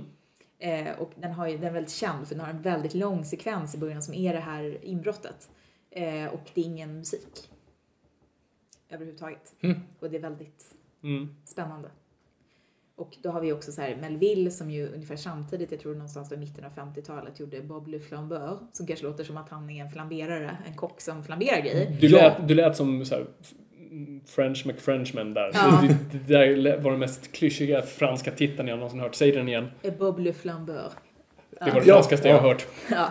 I Men det- fart in general Men det är egentligen Bo- det är så här Bob spelaren helt enkelt. Så, att, så det handlar om en dekig man som håller på att spela bort sitt liv. Och den är också väldigt mycket så här shot, så här, inspelad på plats Mm. i Paris tror jag nu spelar sig. Och, och sen så gjorde han ju också ett antal då neo-noirer liksom, som ju är väldigt refererande till. Men Alain Delons går runt i trenchcoat och hatt. Ja. Som sagt, Le Samurai, eh, Le Cercle Rouge, eh, som är också väldigt bra. Mm. Eh, och de är lite mer så här hybrider, alltså det är lite så här lönnmördarfilm, det är lite så här heist. Mm. Le Cercle, Cercle Rouge är ju verkligen en heist-rulle liksom. Eh, varmt Kanske rekommenderar. det här vi ska göra till, till nästa Noirvember nästa år. Det är franska film. Ja, Melville. Ja, det Jag kommer ni gilla. komma ikapp på de här första. Nej Viktor, nu ska du djupdyka till nästa år. Från Breaking Dawn till det mest franska vi har hört. Bob Le Flambeur. Ja, ja, det är nästa steg för dig nu. Ibland måste man bara vara birth by fire. eller hur? Jag är redo. Du är redo. Perfekt. Eh, ska, vem, vem vill droppa nästa film? Men kör din tvåa. Jag kör två, alltså tvåan och ettan egentligen, de är ganska uppenbara så jag drar dem på en gång och vi har pratat om dem. Och det är ju Dublin Indemnity på nummer två, som du tycker väldigt mycket om. Ja. Som, som, som du har sagt dina ord på. Och sen nummer ett är Sunset Boulevard. Det är Billy Wilder. Där, Ja, nummer dubbel. ett. Mm, dubbel, Dubbel dubbel. Wilder. Eh, älskar Billy Wilder, älskar de här två. Det var mi, mina introduktioner till film noir. Eh, Sunset Boulevard är en av mina absoluta favoritfilmer. Eh, och de, de är absolut högt där uppe. Och de råkar bara vara film noir så att de var bara tvungna att dyka upp där. Skulle du säga efter att ha sett Laura och In a Lonely Place att de skulle Mm. kunna leta sig in på din lista? Uh, In a Lonely Place definitivt. Ja. Mm. Laura tyckte jag väldigt mycket om. Eh, men jag tror inte den är listvänlig än i alla fall. Det är en sån här, jag känner att jag kommer behöva se igen. Men In a Ja. Lonely Place bara tyckte jag slog en direkt. Jo, men jag, det, är- det är min favorit eh, Mm. av de två också. Laura tycker jag mer är så här. Den är underhållande och det är många som kan gilla mer den. Mm. Men det är nog inte ens min favorit Premiere skulle jag säga. Mm. Han har gjort andra filmer som jag gillar bättre. Okej. Han är ju verkligen också en, eh, en verkligen så här birollernas Mm. mästare. Det är väldigt bra biroller i hans Ja. filmer. Eh, Men jo, In a Lonely Place skulle definitivt vara med på min topp 10. Mm. Om jag var en person som gjorde topp 10-listan och inte blev jättestressad av att försöka göra det. Nej, jag förstår det. Ja, jag, In a Lonely Place definitivt skulle jag petat in. Fabian gillar listor så att det... Ja, jag gör ju det. Men Ja. det är så här skönt strukturera upp det. Jo, men jag förstår det. Ja. Men jag är en sån där som lägger saker symmetriskt på mitt skrivbord. Sån här Det är jättekul om du någon gång skulle vara, sitta bredvid Fabian när, när det ligger mynt på bordet till exempel. Så kommer han utan att märka det stapla dem i så här efter storleksordning. Och så petar du bara till dem lite grann som ligger lite snett eller sätter åt andra hållet. Då kommer inte han kunna fokusera på någonting annat till- tills han har fixat det där. Hur många gånger har du gjort det här? Många gånger. Många, och många gånger tänker inte ens jag själv på att jag rättar till dem. Utan du, du gör, vi sitter och pratar, du puttar till någon, jag tänker inte ens på det. Sen roddar jag upp den och sen petar till och så... Kan man utnyttja det här på något sätt liksom och få Fabian att omedvetet städa hela hans lägenhet? Det skulle kunna vara, jag vet inte riktigt, så länge all, om, om du lägger allting lite, lite snett Ja. bara så måste han gå dit och rätta till det. Precis. Liksom. Ja. jag kan ju snarare, alltså det är ju problemet där. Jag kanske inte skulle städa det. Jag skulle bara ställa all skit väldigt symmetriskt fint på golvet så en fin labyrint. Sortera upp dammtussarna i storleksordning och så. Ja, det är mitt hem. Ja. Det är liksom Edigin över hela... Ja. Ja, nej, men så, så det, det, ja, det var Ja. mina favoriter. Men hade, hade du en sista film här? Jag har, en av? sista, jag har en sista film här och det Jättebra. här är ju... Är det här en eh, favorit? Det här är en favorit. Alright. Absolut. Och jag tror inte jag har sett den här. det här Vilken är en det stor favorit. Kiss Me Deadly. Kiss Me, den. just det. Mm. Och den har säkert, jo den heter på svenska heter den faktiskt Natt utan nåd. Oj, Det var nog lite såhär... Det är ganska tungt det var- ut, eller? Men de kunde ha sparat den till någon annan. Här skulle man ju kunna... aj, Kyss mig dödlig. Nej, det går Ja inte. men det hade, det hade lika gärna kunnat vara Hörde du du mördaren? Alltså Ja. det kan ju vara vad fan som helst. Dödskyssar. ja, det var inte jättebra kanske. Döds, ditt döds, ja. Hej döden, kyss mig. ja. Ja, där hade du kunnat... Mm. eh, Tjejen som kysste döden. Där har du. Där var det. ja, det är faktiskt också, jag klart. måste bara säga att är Stockholms filmquiz. Mm. Eh, nu var det jättelänge sedan vi var med. Ja, vi, vi hade ju eh, liksom ett lag där som hette Quiz Me Deadly. Oh, Ooh. deep cut. Deep cut. Ja, den här filmen eh, är från 55. Mm. Och den är regisserad av Robert Aldrich Mhm. som kanske är känd för många nu genom Feud Mm. som regissören till uh, Whatever Happened to Baby Jane. Mästerverk. Har du sett Feud? Nej. Whoops. Mycket bra. Jag kände Den är väldigt det. bra. Eh, Det är, det är en kort serie, den är bara åtta avsnitt. Mm. Och sen så är den avslutad. Sen kommer de göra säsong två och den kommer snark handla om eh, prinsessan Diana och Charles. Jättekonstig heb- Jag trodde allt, jag visste att de skulle hoppa liksom, alltså göra en ny story för en ny säsong men jag trodde ändå lite kvar i Hollywood. det. Ja, nej men så tråkigt. Men, ja, men där figurerar i alla fall, det handlar ju om inspelningen av Whatever Happened to Baby Jane där John Crawford och Betty Davis var med. Och då finns det en massa legender om hur mycket de hatade varandra Mm. under inspelningen och sådär. Och då, ja, då är han med då som, vad gärna heter den skådisen? Vem? Han som spelar honom. Han som spelar vem? Eh, Spelar Robert Aldrich. Jaha, eh, Alfred Molina. Precis, han är ju fantastisk verkligen. Ja, men Alfred. Molina är alltid bra. Väldigt bra skådisar överhuvudtaget. Mm. För övrigt också med i eh, Rango va?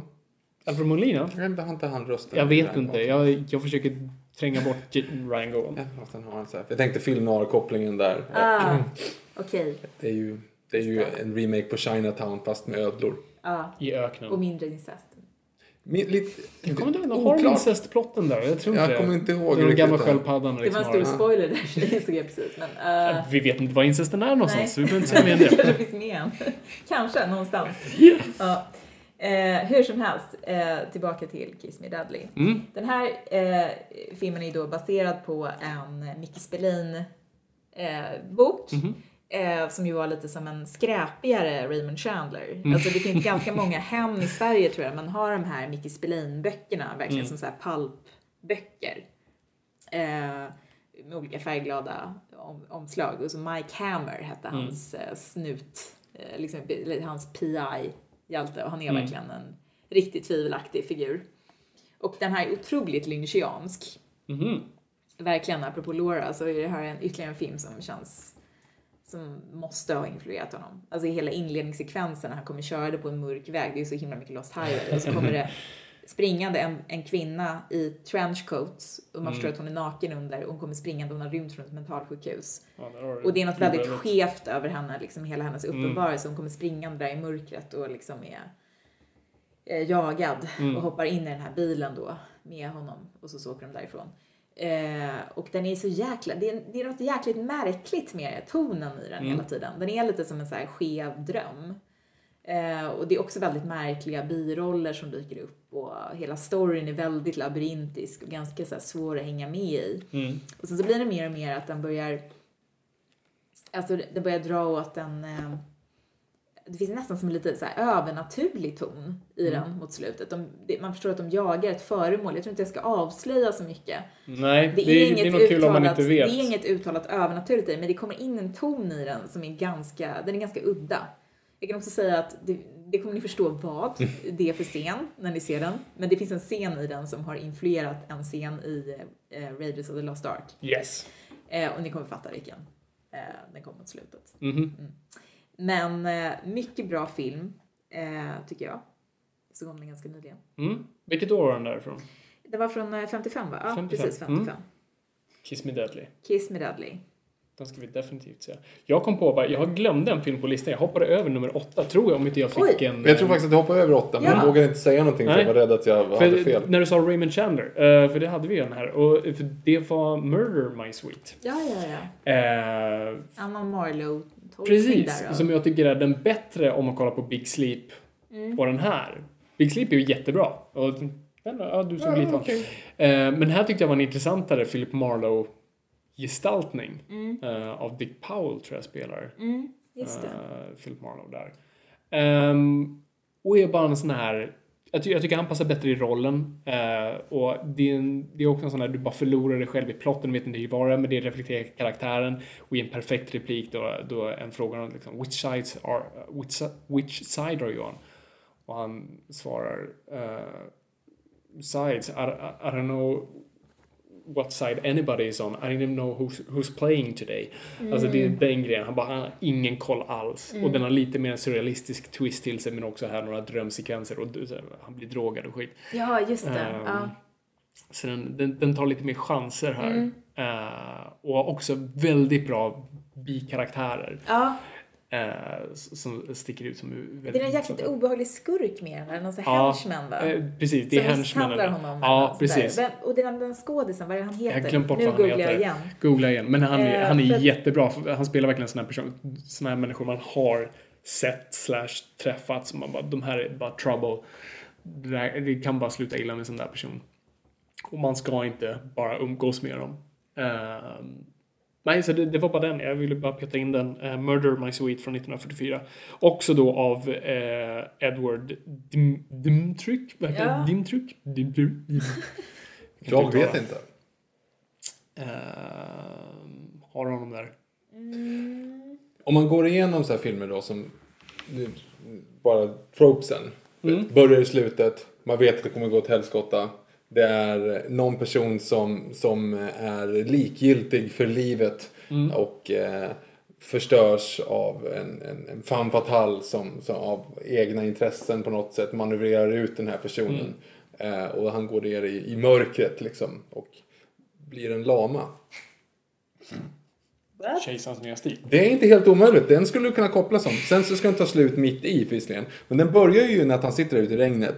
Allting gått åt helskotta. Ja. Hon har ju lurat ut honom. Ja. Han tyckte inte att livet var så kul egentligen. Han var ju ganska liksom egentligen så här nihilistisk fast på ett nivå som var på dryg. Och sen så blev han en lama och det är motsvarigheten till mordet. Så att han mördar hans karaktär vad han nu är. Så att hade den slutat efter en timme och tio minuter. Då hade det kunnat varit en film noir. Det är regn. Ja, det är det. Ja, ja, ja, ja. Det är ju fan fatal där. Är- Ja, jo, ka- kanske. En neo-noir i Disney-form. Ja. Inte en av de bästa Disney-filmerna. Så här middle of the road. ja, den här som man alla glömde bort. Som inte ens tänker på att det är en. Precis. Den Jag är har inte väldigt sett rolig. den, så jag kan inte kommentera. Den är väldigt rolig. Den är rolig men den är inte så bra. Det är det som är skillnaden. Nej, nej, nej, absolut. Och inte alls värd. Det är typ en Dreamworks-film. Ja, egentligen. Som Egentligen. de... Råkar bara vara Disney. Intressant. Ja, det är intressant.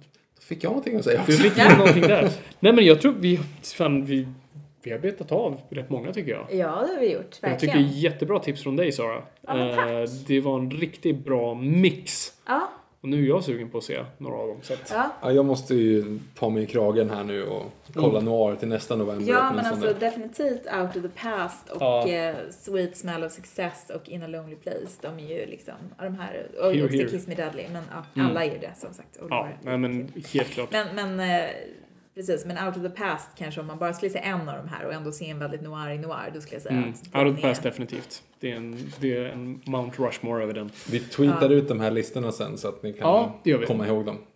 Har du, du har ingen sån här letterboxd eller något sånt där? Ni har inte det. Nej. Ja men då, vi, vi, vi fixar, vi får ut den listan ändå. På Ja. Twitter eller på Instagram. På de vänster. På Jag, något vänster gör vi jag det. retweetar. Du retweetar. Ja. Bra, då, då är vi hemma. men ja, är vi nöjda? Jag är nöjd. Ja, men, jag, men vi, vi kör igen nästa år va? Vi måste Jag tror det. det. Ja. Det kanske inte blir en hel månad då, men vi Nej, kan det- definitivt det köra blir ett några avsnitt. Ett avsnitt i alla fall. Några Du är alltid välkommen Sara. Det är alltid Ja, ett rent nöje av att ha dig här. Så Och, kul att vara och då ska ni ha min lista också, för då har jag sett nog Ja! filmer så jag Gud, får ihop en lista. Då är Viktor expert på fransk film noir mellan Yes. 1935 och 42. Oui. Yes. Eh, men tack så jättemycket Sara ännu en gång. Och vi, vi kan ju inte, vi kan inte avsluta det här avsnittet såklart, du har ju en ny bok ute. Ja, det stämmer. Norra Latin. Noir latin. No- Pew, pew, pew. nu, är inte det, nu gissar jag att det inte är en noir-bok i sig, men har du några noir-influenser? Jo, men alltså det har den nog skulle jag säga på sätt och vis. Alltså Mm. den är ju lite, den är ju lite så här. Det har ju lite det här gotiska också. Det här Ja. med ett hus som rymmer mörka hemligheter. Ja, och, precis. Eh, det här lite med eh, liksom verklighet och, och dröm. Det löses upp på något Mm. sätt. Och det här lite labyrintiska. Precis. Det, finns ju, det går igen lite gotiken och noiren Mm. där faktiskt. Verkligen. Vill du bara förklara lite snabbt vad den handlar om? Den handlar om eh, två stycken tjejer som börjar på Norra Latins gymnasium, som ju då inte är ett gymnasium längre i verkligheten, Nej. utan det lades ner i början av 80-talet. Men, och nu är det konferensanläggning. Mhm. Eh, men jag bestämde att så är det inte. Så, att, så den har fortsatt. Och de har också en prestigefull teaterlinje där eh, de här två tjejerna börjar gå. Mm. Och den ena är Clea, hon är dotter till en känd skådespelerska och är liksom själv barnskådis, uppvuxen i den världen. Och Tamara flyttar från Östersund för att gå på den här skolan för att hon, hennes idol gick där på gymnasiet så hon tänker att hon ska göra likadant. Eh, och hon har någon slags drömbild av hur fantastiskt det ska bli. Det ska bli som Hogwarts ungefär. Sen blir det inte riktigt så. Men det finns också en um, vandringssägen på skolan om eh, en elev som försvann eh, spårlöst på 40-talet efter en teaterföreställning och en lärare som dog under om, oklara omständigheter. Och det har liksom blivit som en så här vandringssägen då som har förts vidare och eh, det sägs att man kan se den här eleven, Erling Jensen som han hette, att han visar sig på skolan och om man ser honom så råkar man illa ut. Och då Tamar ser honom och gud. börjar försöka ta reda på vad hände, eh, vem var han och eh, vad, liksom, vad är sanning och vad är myt. Är den här sägen på riktigt? Är det baserat på någonting? Eller också? Nej, jag hittar på den. Du hittar på den? Men det finns vissa saker som är på riktigt, Mm. eller som är influerat av det. Till exempel så, den här skolan har väldigt speciell arkitektur Mm. eh, med två stycken ljusgårdar. Den är baserad på ett florentinskt renässanspalats. För så tänkte man när man byggde Som skolor på 1870-talet. Så, eh, och eh, då på 50-talet så var det en kille som faktiskt gick ut på ett av de här glastaken över ljusgården och ramlade ner. Oj! Eh, han klarade sig. Oj. lov. Eh, för att han studsade mot en pelare. Shit, bra jobbat. Jag, jag pratade med ögonvittnen till det här också. Det var ganska jävlar. chockartat.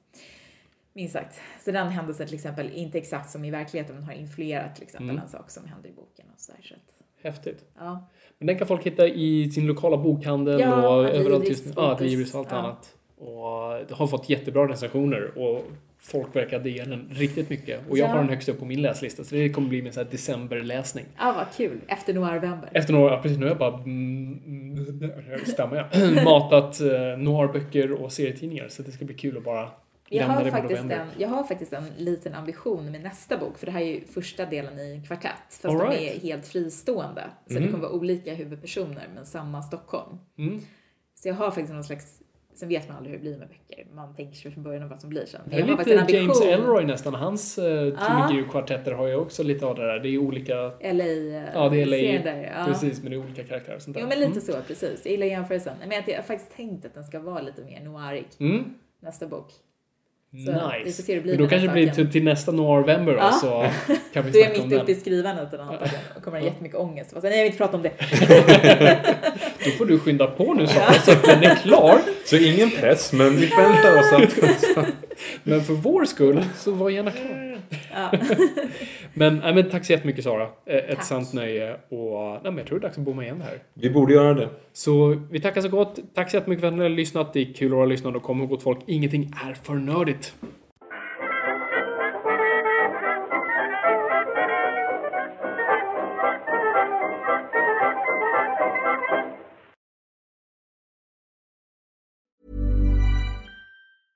Hey, it's Paige DeSorbo from Giggly Squad. High quality fashion without the price tag. Say hello to Quince. I'm snagging high-end essentials like cozy cashmere sweaters, sleek leather jackets, fine jewelry, and so much more. With Quince being 50 to 80% less than similar brands.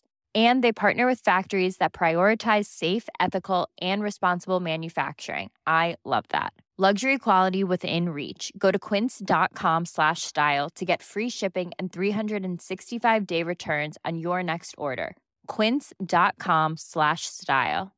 Imagine the softest sheets you've ever felt. Now imagine them getting even softer over time. That's what you'll feel with Bowl and Branch's organic cotton sheets. In a recent customer survey, 96% replied that Bowl and Branch sheets get softer with every wash. Start getting your best night's sleep in these sheets that get softer and softer for years to come. Try their sheets with a 30-night guarantee. Plus, get 15% off your first order at bowlandbranch.com. Code BUTTERY. Exclusions apply. See site for details.